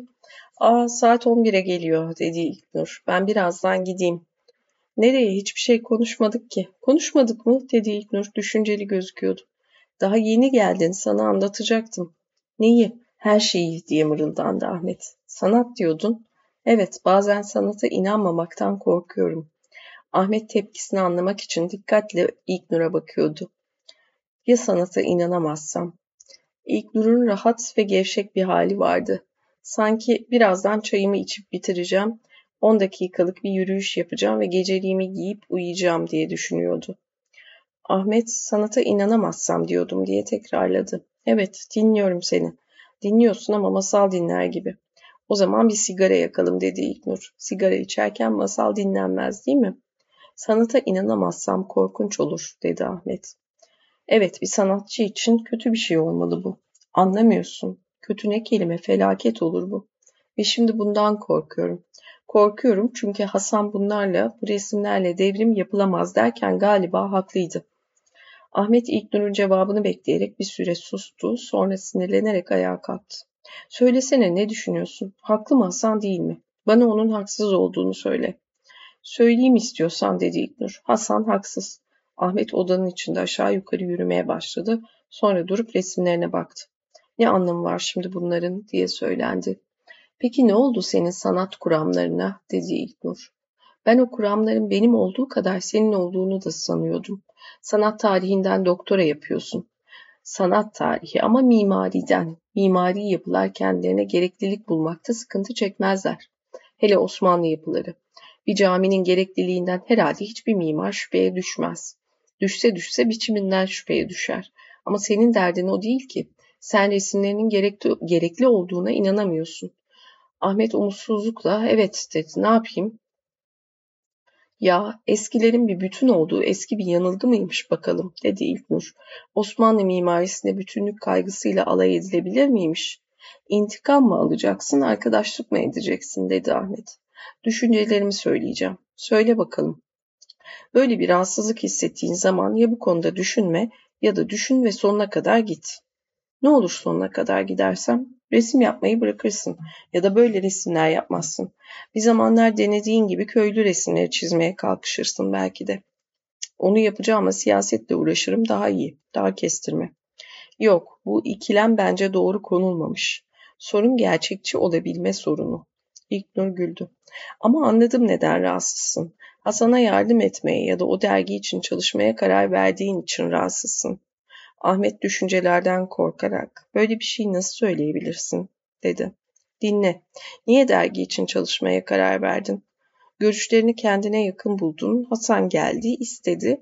Onu geri çevirmek erkekliğe sığmaz falan filan. Bence bunlar önemli değil.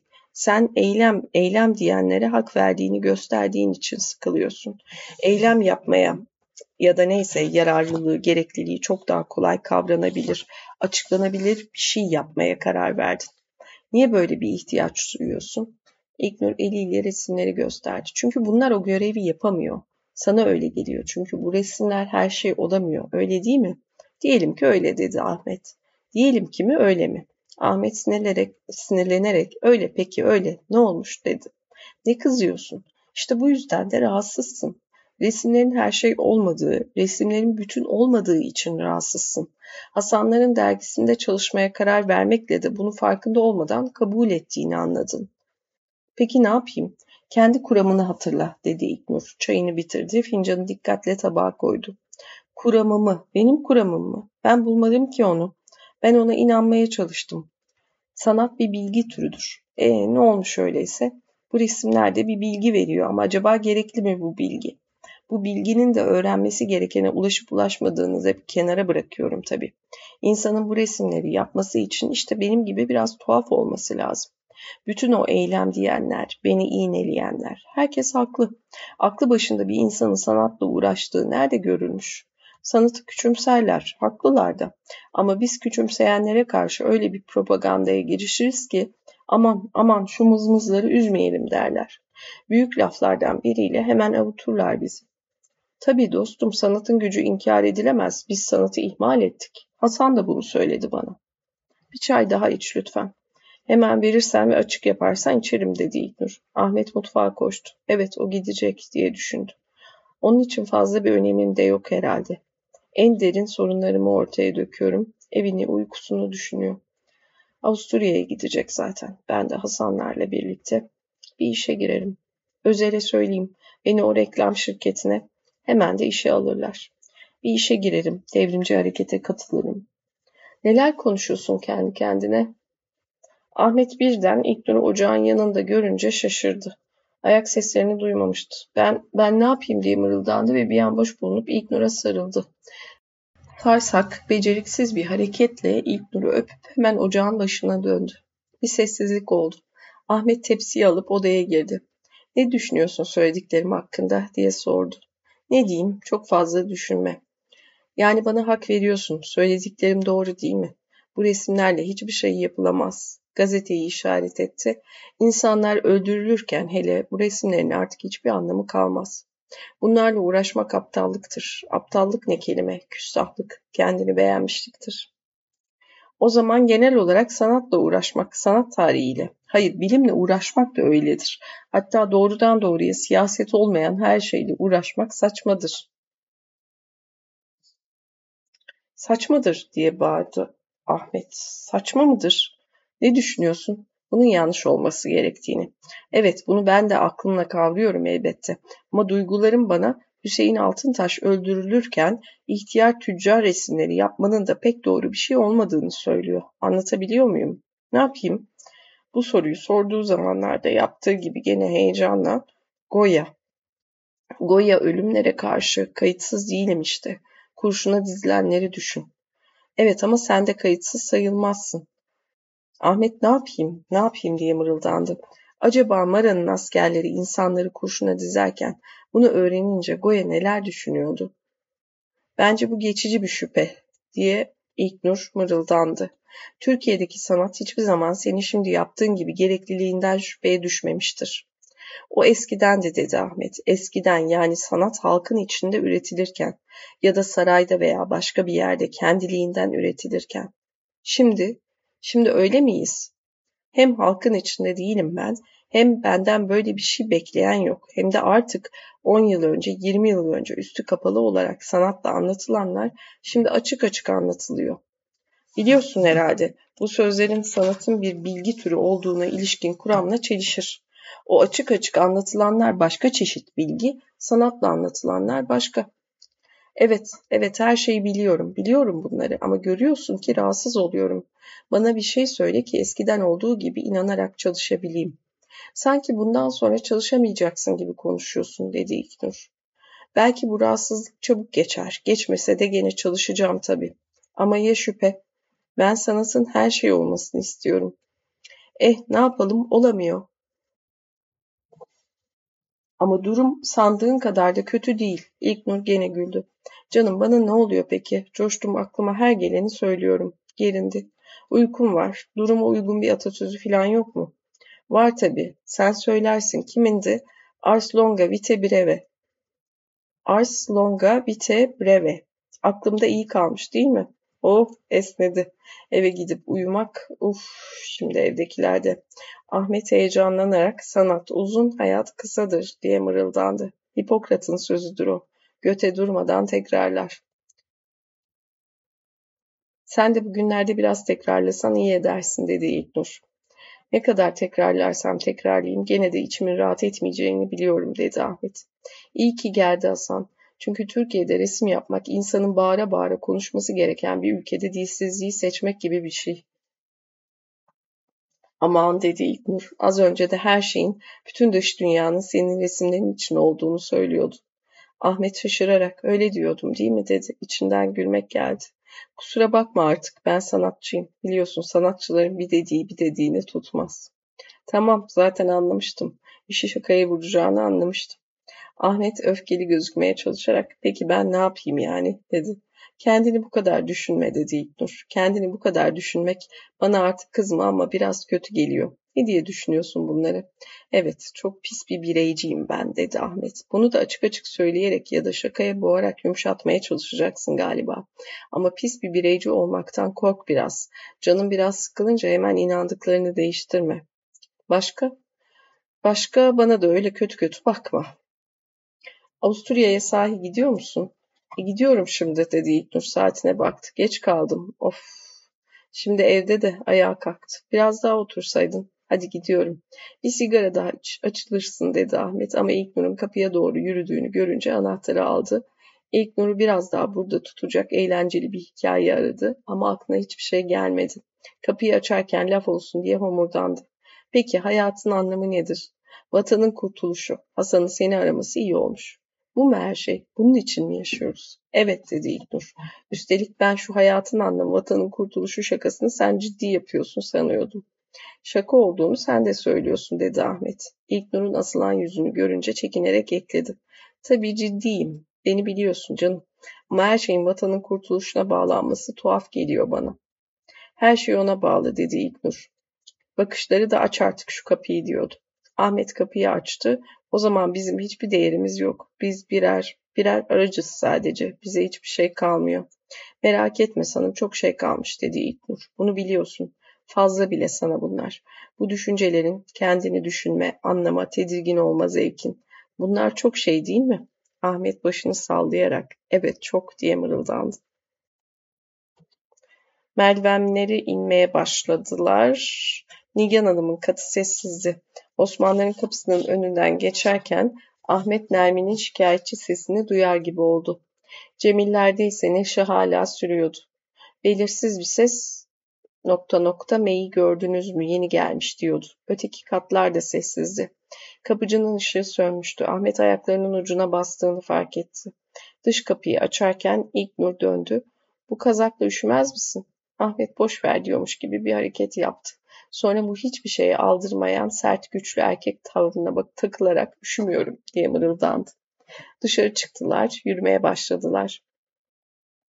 Nişantaşı meydanı tenhalaşmıştı. Arada bir hızla bir araba geçiyor. Dört yol kavşağında kimse kimseyi beklemiyordu. Kaldırımlara, yıkanan dükkanların sabunlu suları yayılmış, kaldırım taşlarının kenarında ağaçların dibinde birikmiş büyük, yoz, plastik panoların neon lambalarının ışığını yansıtıyordu. Caddede yürüyen kimse yoktu. Sırtı çuvallı bir adam kaldırımlara dizilmiş çöp tenekelerini karıştırıyor. Bir elbise dükkanının vitrininde çıplak ayaklı bir adam çam ağacını süslüyordu. Polis cipi de karakolun önünden çekilip gitmişti. Caminin önünden geçerlerken şemsiyeli şık bir beye rastladılar. Teşvikiye'nin köşesinde Ahmet gene gözünün ucuyla İlknur'a baktı. Ne düşünüyor diye mırıldandı. Birazdan uyuyacak ama önce benim yüzümden evdekilerle atışacak. Düşünmek istemedi, esnedi. Küçüklüğünde yaptığı gibi hep birbirini tekrarlayan apartmanların adlarını okudu. Başka şeyleri de dalgın dalgın okudu. Lokanta isimlerini, direklere yapıştırılıp kalmış sünnetçi ilanlarını, bir berberin camındaki harfleri, bir çiçekçinin tabelasını, bir gıda pazarının camına çizilmiş süslü reklamları, emlakçı vitrinindeki telefon numaralarını. Kapının önüne gelince İlknur döndü. Hadi bakalım. Heybesini karıştırıp anahtarını çıkardı. Ahmet bundan sonra ne zaman diye mırıldandı. Bilmem. Çarşamba öğleden sonra. Senin çarşamba öğleden son, sonraları harika çocuğa dersin yok mu? Bu hafta yok dedi Ahmet. Harika çocuğun matematik imtihanı varmış. Gülüştüler. İyi o zaman. Çarşamba dörtte beşte uğrarım harika ressama. Ahmet neşeli görünmeye çalışarak bekliyorum diye homurdandı. İlknur kapıyı açmıştı. Ne somurtuyorsun dedi güldü. Hala aynı şeyleri mi düşünüyorsun? İnsaf et. Bak ikimiz daha çok yaşayacağız. Kim bilir başımızdan neler geçecek. Avusturya'ya gidiyor musun? Bilmiyorum. Ahmet bir hareket yapmak istedi. Yapamadı. Ellerini cebine soktu. Ağzından tuhaf boğuk bir ses çıktı. Biz evlenelim mi? Sonra yüzünün çarpıldığını düşündü. Tuhafsın bu akşam dedi İlknur ama o da her zamanki gibi olamıyordu. Bak şimdi eve git fazla düşünme bol bol çalış. Apartmanın içine girdi. Çarşambaya kadar seni özleyeceğim. Ahmet rahat rahat Allah rahatlık versin dedi. Rahatlığına şaştı. İlknur kapıyı kapadı, elini salladı, merdivenlerin ışığını yaktı, gözden kayboldu. 10. bölüm galiba son bölüm. Evet. Ay yok. 10. bölüm. Ah son bölüm. Son söz var bir de en sonda. Gerçekten son bölüm. Evet. Başlığı zamanın akışına övgü. Ne söyledim yahu diye düşündü Ahmet. Camiye doğru yürüyordu. Utancını art artırmak, sonra da kendini cezalandırmak için evlilik diye mırıldandı ama beklediği kadar utanmadı. Ama ne olmuş biraz saçmalamışsam. İlk dur anlar. Birkaç adım yürüdü. Anlar mı? Bu akşam ona anlattıklarını düşündü. Hayat, ne yapayım, sanat, evet fazla heyecanlıyım bugün diye söylendi. Anlattıklarım hakkında ne düşünüyordur? Birkaç adım daha attı. Anlıyordur beni, anlattıklarıma hak veriyordur. Hem yalnızca benim dertlerim değil ki onlar. Yanından gürültüyle bir spor araba geçti. Yok canım, hiç de öyle düşünmüyordur. Düşündüğünü söyledi. Beni fazla bireyci buluyor. Caminin önünden geçiyordu. Haklı da. Çok fazla dertlerimi düşünüyorum ben. Benim dertlerim. Kendisiyle alay etmek isteyerek güldü. Resimlerim anlaşılmıyor. Kimse onlara bakarak devrim yapmıyor. Canım sıkılıyor. Başka? Ama ne istediği alaycı bir tavrı takınabildi ne de dertlerine gereken önemi verdiğini düşündü. İşte iki yol arasında kararsız bir o yana bir bu yana yalpalayarak gidiyorum. Bir yanda hayat, bir yanda sanat. Yok. Bir yanda devrim, bir yanda soru işareti. Bu sınıflamaları beğenmedi. Biraz düşündükten sonra da onları canını yakacağı için beğenmediğine karar verdi. Peki benim düşüncem nedir diye söylendi. Kendim hakkımda hangi yargıya varıyorum? Karakolun önünden geçiyordu. Kötü bir yargıya varmaktan korktuğum için işi gevezeliğe boğuyorum. O kadar boğmuşum ki artık yargıya varamıyorum. Birkaç adım attıktan sonra da bunun da bir gevezelik olduğuna karar verdi. Benim ne olduğumu başkaları bilir diye söylendi. Hasan'ı düşündü. İyi çocuk. Evet biraz çocuk. O dergiye nasıl hemen inanıyor. Ama belki de olur bir şey. Derginin çevresindeki hareketin güçleneceğine, ta yeni bir partiye kadar genişleyerek büyüyeceğine inanmaya çalıştı, heyecanlandı. Kendini de bu hareketin içinde bir yerde görür gibi oldu. Sonra birden darbe geliyor darbe diye mırıldandı. Darbe gelecek, her şey değişecek. Islak kaldırımlara baktı. Bir sokak köpeği endişeyle onu süzdü. Bir şey olacağı yok. Hasan ne düşünüyordur benim için? Bir keresinde Hasan'ın kendisine sen yoz değilsindir dediğini hatırladı ve onu çocuksu buldu. Parkasını, postallarını, ablasıyla el sıkışışını hatırlayarak güldü. Çam ağacını süsleyen adam hala vitrindeydi. Yılbaşı geliyor. Piyango biletleri satan Noel Baba da gelir buraya. Okul çocuklarının alay ettiği Noel Baba'dan koca koca adamları bilet alırken görmüştü. Yeni yıl, bir yıl daha geçiyor. Ben de hala bayağı gazete başlıkları gibi düşünüyorum. 1970 gazetelerde resimler. Bir aksakallı dede gidiyor. Üzerinde 1971 yazılı bir kuşakla gelen gürbüz çocuk neşeyle karşılanıyor. Pazar ekinde bir karikatür. Aman gelen gideni aratmasın. Küçük burjuvazi gelecekten korkuyor. Zaman aksın. 1970 16-17 Haziran devalüasyon benim resimlerim ve bir darbe. 70 eksi 40 eşittir 30 yaşındayım. Hala her şeyin merkezindeyim ve bir baltaya sap olamadım. Askerdeyken kendisine öğüt veren bir yaşlı albayı hatırladı. İşini sormuş, ne yaptığını öğrenince evlenmesini, bir baltaya sap olmasını, toprağa kök salmasını öğütlemişti. Şimdi o askerler, eniştem, Nişantaşı'nın köşesinde durdu, eve değil karşıdaki gazeteciye doğru yürüdü. Cinsel yayınlar, çocuklar için kovboy, büyükler için renkli sinema ve aile dergileri, yarının gazeteleriyle yan yana bir masanın üzerine ve yerlere serilmişti. Ahmet başını bükerek bir gazetenin başlıklarını okudu. Komutanlar dün de toplantı yaptılar. Muhtırada Atatürkçü kurucu meclis öngörülüyor. Ahmet tamam işte diye düşündü. AP'den istifa ettiler. Boğaz Köprüsü için tahvil çıkartılması teklif edildi. Doktorlar eylem kararı aldı. Gazeteyi alacaktı ama caydı. Eve doğru yürümeye başladı. Tamam işte hapı yuttuk. Darbe, Torres. Nasıl bir darbe olur bu? Bari çabuk olsa da fazla meraklanmadan görsek. Çabuk çabuk. Ne olacaksa olsun bitsin. Şu bekleyişten kurtulalım. Güldü, esnedi, anahtarı çıkarıp kapıyı açtı. Ak zaman, ak. Birden aklına kuramlar, sözler üşüştü. Kendiliğindencilik, cuntacılık eleştirileri mırıldandı. Cemillerin katından hala gürültü geliyordu. Osmanlarda ses yoktu. Babaannede hala ışık yanıyordu. Hemşire birisine seslendi galiba. Kendi kapısını açarken homurdandı. Çalışacağım diye mırıldandı. İçeri girdi, kokuyu içine çekti. Resimlerden ve kendinden hoşlandı. İçinden durmadan yıllarca çalışmak geliyordu.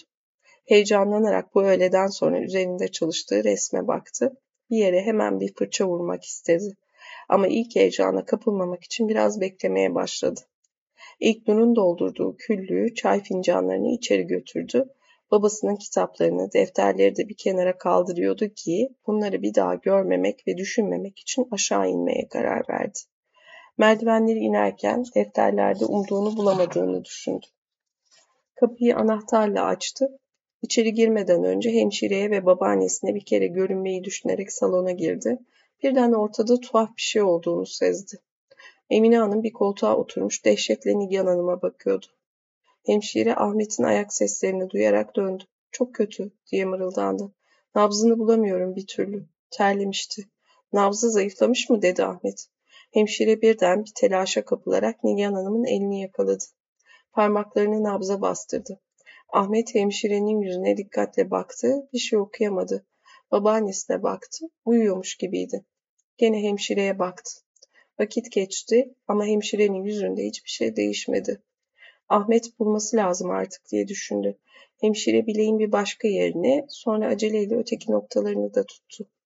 Nabzı çok mu zayıflamış dedi Ahmet. Hemşire Nigan Hanım'ın yüzüne bakarak öteki elini tuttu. Bilmem atıyor mu dedi. Nasıl? Hemşire cevap vermedi. Nabzı tutarken yüzünü Nigan Hanım'ın yüzüne yaklaştırdı. Doktor, doktora telefon edeyim dedi Ahmet. Doktora yetişemez dedi hemşire. Birden kaba bir hareketle Nigan Hanım'ın üstüne çullandı. Göğsünü olmaya başladı. Bir süre bütün gücüyle göğsü oldu. Sonra yaptığı şeye artık inanamadığını gösteren bir tavırla dönüp Ahmet'e baktı. Bir şey söyleyecekti galiba ama caydı ve telaşla yeniden beleklerden birisini tuttu, nabzı aradı. Bu sefer bulamayacağına galiba kesinlikle inandığı için bileği uzun uzun elinde tuttu. İç çekti. Nigen Hanım'ın göz bebeklerini inceledi. Ahmet'e döndü. Ben ne yapabilirim ki diyen bir bakışla baktı. Yeniden iç çekti. Atmıyor, atmıyor diye mırıldandı. Sonra avucunun içinde duran bileği bozuk bir saati masanın üzerine koyar gibi dikkatle kenara bıraktı. Serumdan delik delik ve mosmor olan eli hiç, hiç el hiç kıpırdamadı. Ahmet öldü diye düşündü. İçinden hemşirenin gönlünü alacak bir şeyler söylemek geçti. Hemşire ayağa kalktı, terini sildi. Emine Hanım aşağı haber veriver dedi. Emine Hanım telaşla ne diyeyim dedi. Öldü de. Vah ah büyük hanım diye inledi Emine Hanım. Eşyaların arasından her zamanki dikkatiyle yürüyerek dışarı çıktı. Hemşire Ahmet'e baktı. Ahmet onun mesleği konusunda bir şeyler söylemesinden endişelenerek babaannesine döndü. Yalnızca babaannesini düşünmek isteyerek Nilgen Hanım'ın yüzüne bütün dikkatiyle baktı. Küçükken Cihangir'den babasıyla buraya geldiklerini, kısa pantolon giydiği için gözüken bacaklarının kirini babaannesinin herkese gösterdiğini, terliklerinin sesini, anahtar destesinin sesini, bayramlardaki yarım yamalak neşesini ve hep korkuyla baktığı Cevdet Bey'in resmini gösterişini hatırlayabildi. Daha da baktı ama babasını, kendi çocukluğunu, ölümü, kendi hayatını düşünmeye başladığı için utandı. Sonra baktığı şeyin bir ölü olduğunu aklından geçirerek babaannesine sırtını döndü, pencereye yürüdü. Küçükken yaptığı gibi alnını cama dayayarak Nişantaşı meydanına bakmaya başladı. Az sonra Osman'la Nermin geldiler. Osman aceleyle bir sandalye çekip annesinin yanına oturdu. Nermin bir şeyler mırıldandı.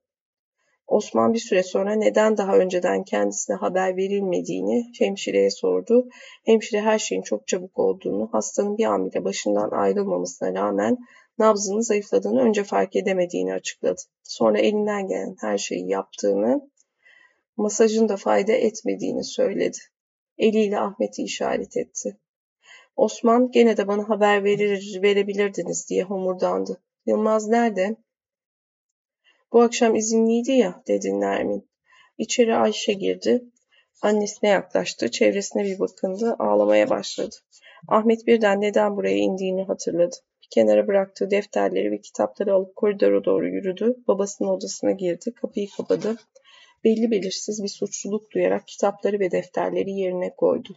Sonra ne yapması gerektiğine karar veremediği için bir sandalyeye oturup kitaplara bakmaya başladı. Kitaplara da pencereden dışarı bakar gibi bakıyordu.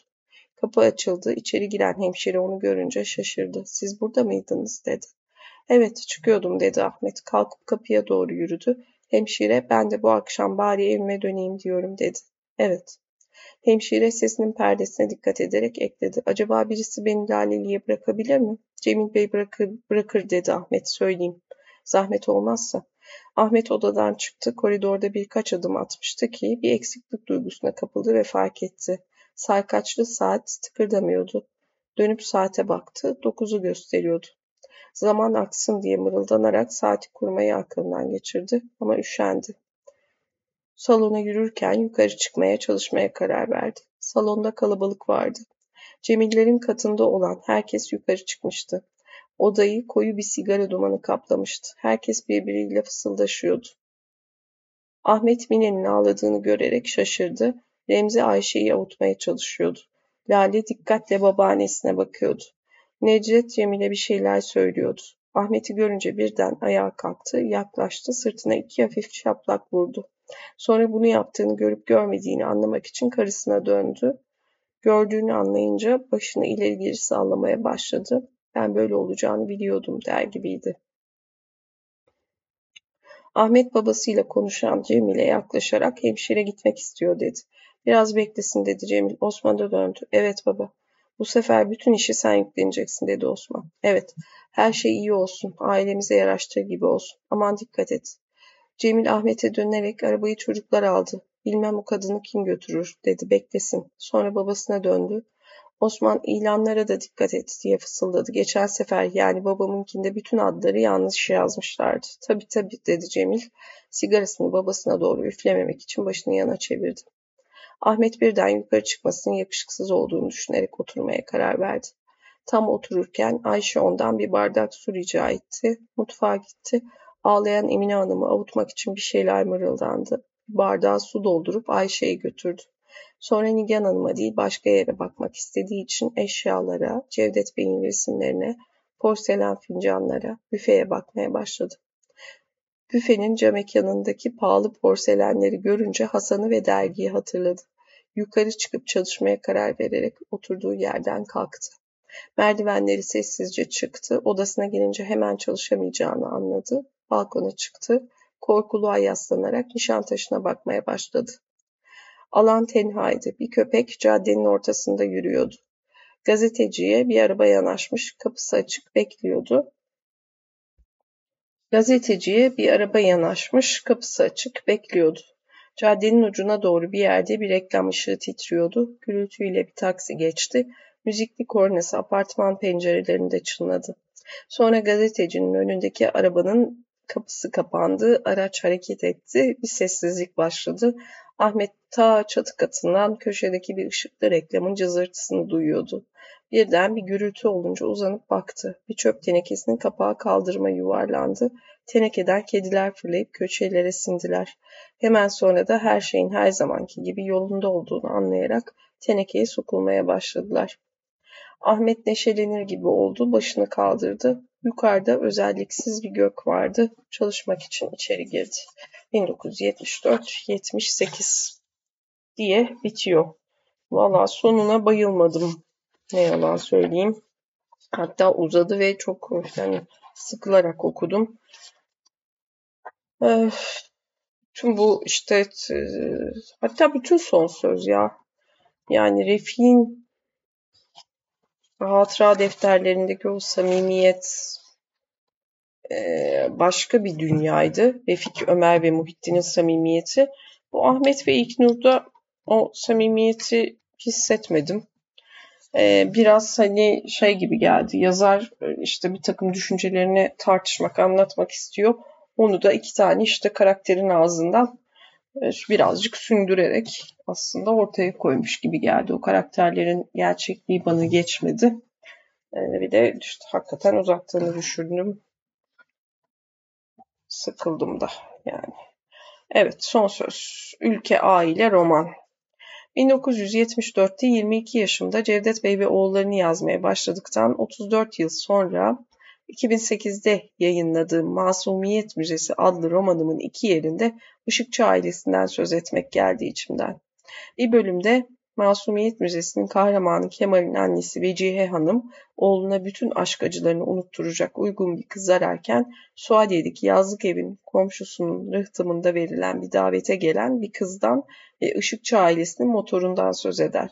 Cevdet Bey ve oğulları benim inatçılığım yüzünden pek az dile çevrildiği için Vecihe, Hanım'ın sözünü ettiği Işıkçı ailesinin üyelerinin ilk romanımın kahramanları olduğu pek az okurun aklına gelmiştir.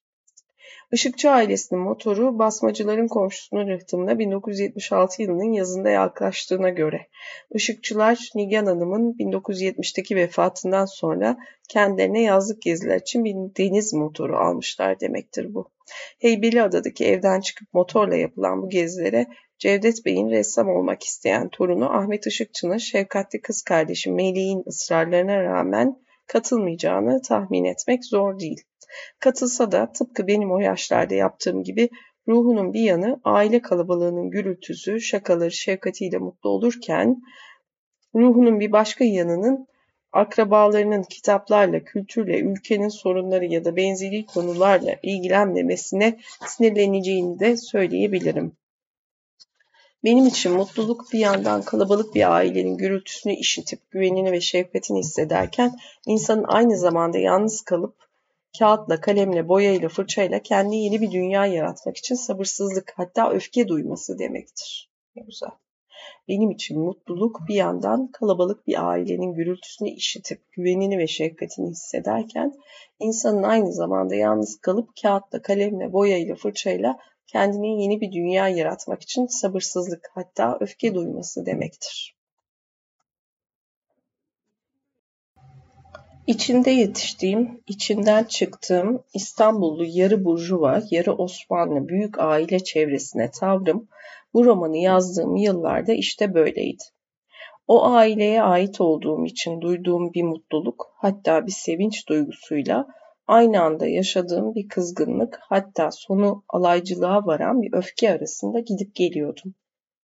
Masumiyet Müzesi'nde bir başka sahnede Işıkçı ailesinin Nişantaş'ta diğer burjuva ailelerle birlikte Hilton Oteli'ndeki nişanda hep birlikte bir masada otururlarken, tasvir ederken arkalarda bir yerde Pamuk ailesinin masasında oturan ve 1975 yılında Cevdet Bey ve oğullarını yazmaya çalışan Orhan'ın yüzünde de benzer bir alaycı ifade gördüm. Işıkçı ailesi ve yaşadıkları Nişantaşı konusunda bir iki söz etmeden önce aradaki pek çok benzerliğe rağmen Pamuk ailesi ile Cevdet Bey'in ailesi arasındaki temel bir farkın altını çizeyim. Cevdet Bey'in Abdülhamit döneminin 1876-1909 son yıllarında bir dükkan işleterek işe başlamasına karşılık Pamuk ailesi çok daha sonra Cumhuriyet yıllarında 1930'lardaki demiryolu inşaatlarında dedemin müteahhitlik yapmasıyla zenginleşti. Gayrimüslim kökenli İstanbul Burjuvasisi'nin Rumların, Ermenilerin, Yahudilerin bastırılıp sindirilmesi, yok edilmesi, sadece gayrimüslimlere uygulanan özel vergilerle ezilmesi ya da kovalanması, milliyetçi devlet bürokrasisinin daha çok da Türkiye Cumhuriyeti kurulduktan sonraki desteğiyle olmuştur. Cevdet Bey'in hikayesi bu bakımdan Ankara'da Türkiye Cumhuriyeti kurulurken bir bakkal dükkanı ve inşaat malzemeleri satan Nalburiye dükkanı ile işe başlayan Türkiye'nin en zengin ailesi sanayici tüccar Koç ailesiyle karşılaştırılabilir. Bu romanı yazmaya başladığım 1970'lerde Koç ailesi de çoktan Ankara'dan İstanbul'a taşınmış, Nişantaşı'ndaki Pamuk Apartmanı'ndan ya da Cevdet Bey'in ya da Masumiyet Müzesi'nin kahramanı Kemal Basmacı'nın daha da sonra zenginleşmiş bir aile. Ailesiyle yaşadığı sokaklardan 5 dakika uzaklıkta bulunan Osman Bey'de yaşıyordu. Bütün bu aileler Nişantaşı'nda aynı iki bakkaldan ve portakalla limonun en iyisini satmakla ya da bir yılbaşı ilk ithal ananasları getirmekle övünen lüks manavdan alışveriş eder ve birbirlerini de bilirlerdi. Ahçılar da birbirlerini tanır, aynı dedikoduları dinleyip yayarlardı. Türkiye'nin en zengin kadını olmasına rağmen filanca hanımın iki gün önce lüks manav Hasan'ı bezdirecek kadar pazarlık ettiği ve benzeri hikayeler hemen Nişantaşı'nın bütün bu zengin çevresine yayılırdı. Uzun bir dönem Nişantaşı'nı İstanbul'un en zengin ama en ilginç değil mahallesi yapan bütün bu aileler Cevdet ve Cevdet Bey ve oğullarını yazmaya başladığım yıllarda 1970'lerde mahalleden yavaş yavaş uzaklaştılar. Boğaza tepelerden kestirmeden inen yeni geniş yolların açılması ve zenginleşme, eski boğaz yıllarını ve boğaza bakan tepelerdeki konakları yenilemeyi, yakıp yıkıp yerine apartman yapmayı ya da boğaza tepeden bakan beton binalar yapmayı cazip kılmıştı. Nişantaşı'nı bir dönem İstanbul'un en burjuva ve en batılılaşmış mahallelerinden biri dışarıdan görünüş olarak yapan dönemin zenginlerinin mahalleyi terk etmesi sokakların ve dükkanların havasını değiştirdi. Zengin ailelerin şoförlü arabalarını geceleri bıraktıkları büyük garajlar kapandı ilk.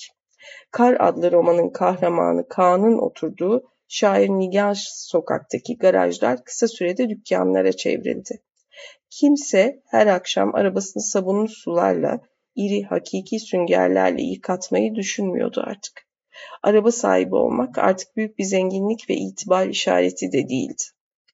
1970'lerde Türkiye'de üretilen ilk arabalarla birlikte şehirde trafik büyük bir soruna dönüşünce 1980'lerde Nişantaşı'nın bütün sokakları çift yönlü trafiğe kapatılıp tek yönlü oldu.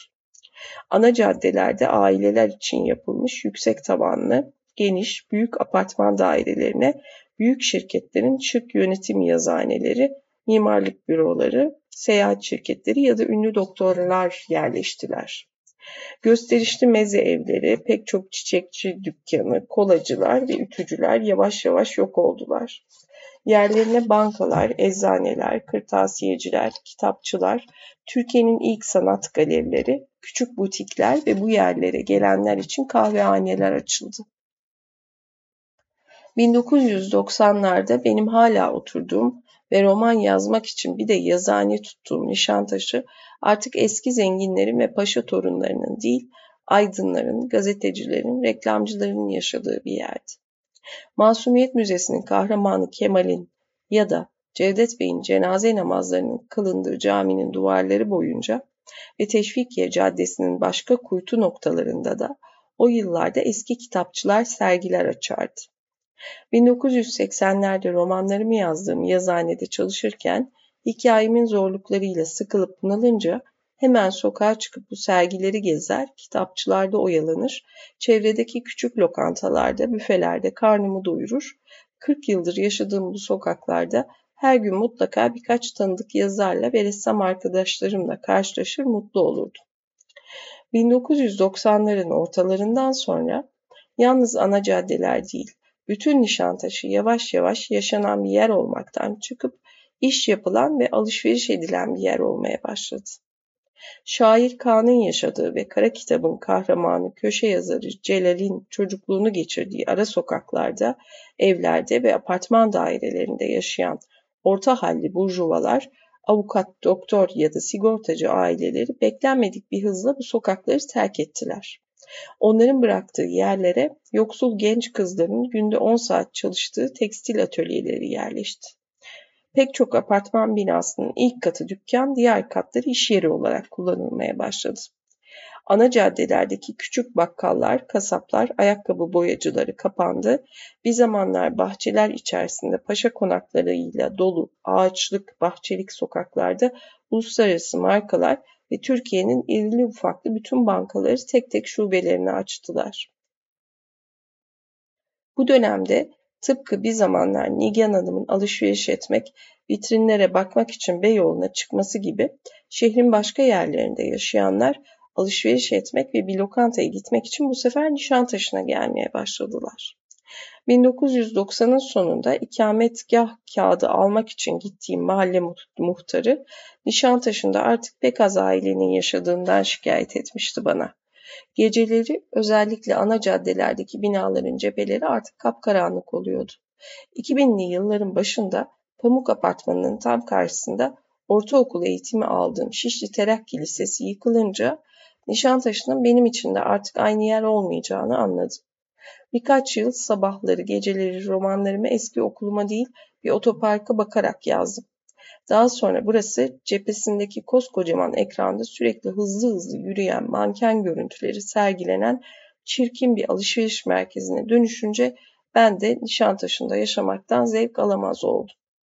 Bütün bu global değişim yaşanırken milliyetçi nefret kampanyaları ve siyasi baskılar ve davalar yüzünden aralıklarla uzak kaldığım mahalleye, mahalleme bir geri dönüşümde hayatımın çoğunu geçirdiğim Teşvikiye Caddesi'ndeki Pamuk Apartmanı'nın önüne beni korumak için bir polis kulübesi konduğunu gördüm. En sonunda evimize döneriz ama döndüğümüz ev eski ev değildir yolundaki çok yaygın duyguyu böylece ben de hayatımda yaşamış oldum. Geri döndüğüm ev neredeyse bütün hayatımı geçirdiğim ev olduğu için duygu sarsıcıydı. Cevdet Bey ve oğullarını yazarken kendime örnek aldığım Pamuk Apartmanı'nın amca hala çocuklarıyla, akrabaların, dostların kalabalığıyla cıvıl cıvıl gürültülü halinden de hiçbir iz kalmamıştı artık. Çoğu 80 yaşını aşmış amcalar, enişteler, halalar kalın perdelerin ve tüllerin arkasında dışarıdaki yeni alemden kopuk bir şekilde ev içlerinde sessizce yaşıyorlardı. 2001 yılı Aralık ayında Almanya'da Lübeck'te Thomas Mann'ın doğup büyüdüğü ve savaşta yıkıldıktan sonra yeniden yapılmış Badenbrook evini sisli bir günde gördüğüm zaman da benzeri bir sarsıcı duyguya kapılmıştım. Besbelli sağ olup buraya gelse Thomas Mann'ın evim derken acı duyacağı bir yerde artık burası. Bu örneği Buddenbrook'un tıpkı Anna Karenina gibi romanıma örneklik ettiğini okura hatırlatmak için yazıyorum. Ama benim romanım Mann'ın romanı gibi yalnızca bir ailenin değil, tıpkı Anna Karenina gibi doğrudan bütün bir toplumun resmi olma amacını da taşıyordu. Bu yüzden romanıma Ankara'da geçen bölümleri de ekledim.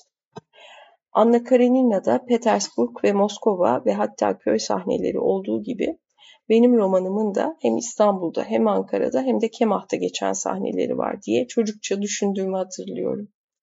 Romanın dedemin de müteahhitlik yaptığı Sivas-Erzincan tren yolunun yapımını Ömer'in bu yolda ve yol üzerindeki Kemah'ta geçen günlerini yazabilmek için yalnız aile hatıralarını dinlemedim. Kendim de bu yerlere gittim. Trenden inip trenden inip baştan aşağı gezdiğim Kemah'ta bulunmaktan büyük haz aldığımı ve tuhaf bir güzelliği olan bu küçük ücra şehri romanımda daha çok anlatmak istediğimi hatırlıyorum. Erzincan'a doğru yola devam etmek için Kemah istasyonuna geri döndüğümde istasyondaki memur Erzincan treninin iki saat ya da iki gün sonra gelebileceğini yarı şaka yarı ciddi söylemişti bana. Daha sonra tren geldi ve önce Erzincan'a gidip iki gün kaldım. Bu tren yolculuğundan 25 yıl sonra Kar adlı romanımda anlatacağım Kars'a da ilk defa gittim. Babamın işi için 1960 Mayıs'ından 62 yazına kadar iki sene ailecek Ankara'da yaşadık. Şehrin bürokratik ve otoriter havasını romanımda içtenlikle anlatabilecek kadar soludum. Hayatımda ilk büyük siyasi mitinglere de, ilk askeri darbeye de Ankara'da 1960 yılında tanık oldum. İstanbul'dan Ankara'ya taşınmamızın üzerinden bir ay geçmişti ki bir sabah kalkınca akşam annemle babamla bir iç masasında bıraktığım misafirlerin hala masada oturup oyuna devam ettiklerini gördüm. Askeri darbe oldu dedi annem. Sokağa çıkma yasağı var. Evler, evlerine dönemediler. Kahvaltıda yumurta yer misiniz? Bu daha sonra Türkiye tarihine 27 Mayıs askeri darbe, darbesi olarak geçti. Çok geçmeden sokağa çıkma izni çıktı ama askerler bir yıl sonra başbakanı iki bakanla birlikte vahşice astılar. Öğleden sonra darbeyi sevinçle karşılayan Sivas yurdunun üniversite öğrencileri bizim evin karşısındaki yurt binasında alelacele yaptıkları bir pankartla yürüyüşe geçtiler. Abimle ben Ankara'da Yüksel Sokaklı Adakale Sokağın kesiştiği köşede Nişantaşı'nda hiç olmayan mahalle hayatı denen şeyi bir ayda öğrenmiş. Komşu çocuklarıyla sokaklarda, arka bahçelerde futbol oynamaya başlamıştık bile. 8-10 yaşlarındaki bizler de gülüp oynayan şakacı mahalle arkadaşlarımızla bu pankartlı siyasi yürüyüşün arkasına takılıp yürüdük. Avrupa'nın aile romanı denen şeyi taklit ettiği ve tabii ki ilk romanım olduğu için yıllarca belli belirsiz bir utanma duygusu uyandıran Cevdet Bey ve oğullarının en içten ve doğru yanının Ankara'nın askerlerini, devletin ezici ve hoşgörüsüz güçlerini İstanbul'daki günlük hayatta karanlık ve korkutucu bir duygu olarak hissetmek olduğunu düşünüyorum şimdi. Romanın son sayfalarında üçüncü kuşak kahraman Ahmet Işıkçı'nın kafasının askeri darbeyle o kadar çok meşgul olmasıysa ne yazık ki yalnız dönemin değil bugünkü Türkiye'nin de hala derdi. Ama benim kahramanımın gençliklerinde batılılaşmacı, modernleşmeci hatta Marksist olduğunu söyleyip orta yaşta ve yaşlılıklarında milliyetçi ve askeri darbeci olan yukarı sınıftan okumuş yazmışların aksine her zaman iyi insan olmaya gayret ettiğini söyleyebilirim. Işıkçı ailesi 1980'den sonra Nişantaşı'ndan Boğaz sırtlarında manzaralı bir apartmana taşındı. Artık alışveriş için Beyoğlu'ndan Nişantaşı'na indiklerini, 1990'larda açılan şık ve havalı lokantalarda öğle yemeği yediklerini, sokaklarda onlarla karşılaşınca anlıyordu. Cevdet Bey'in torunu Ahmet Işıkçı ise bütün hayatı boyunca resim yapmaktan hiç vazgeçmedi. Dikkatli okurlarımın ilk sayfalardaki notlardan fark edecekleri gibi Ahmet Işıkçı bazı kitaplarımın kapağını yapmayı da alçak gönüllülükle kabul etti. Bu çok ilginç hatta esrarengiz ressamın bir resmi de Masumiyet Müzesi'nde sergilenmektedir. Orhan Pamuk İstanbul Nisan 2010'da yazmış bu son sözü. Keyifli samimi bir son söz. Evet.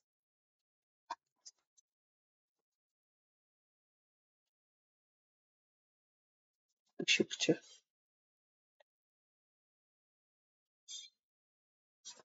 Evet. Ee, diğer kitaplarının küçük özetleri var sonda. iki sayfa. Sonuç itibariyle bence keyifli bir okuma oldu.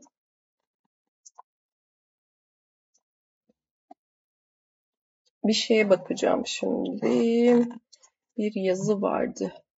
Eğer bulabilirsem onu okumak istiyorum.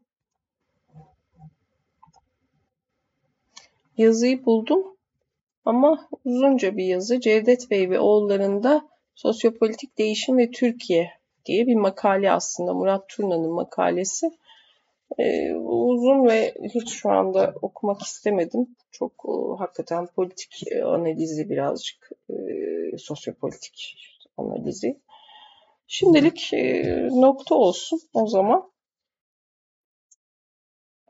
Keyifli okumaydı işte dediğim gibi. Çok böyle lezzetli lezzetli kendimi böyle çıldırmadım, kendimi kaybetmedim bir Peyami Safa okurken ya da Ahmet Hamdi Tanpınar okurken bu cümleleri çok e, lezzetli bulup ah nasıl cümle bu nasıl yazmış diye bayılıyorum ama bu, bu burada işte de, o, o kadar lezzetli bir deneyim, o kadar kendimi kaybederek e, koptuğum bir deneyim değil. Ama tatlı bir e, roman akışıyla keyifli bir deneyimdi. E, velhasıl son bitti konuşmuyorum nokta.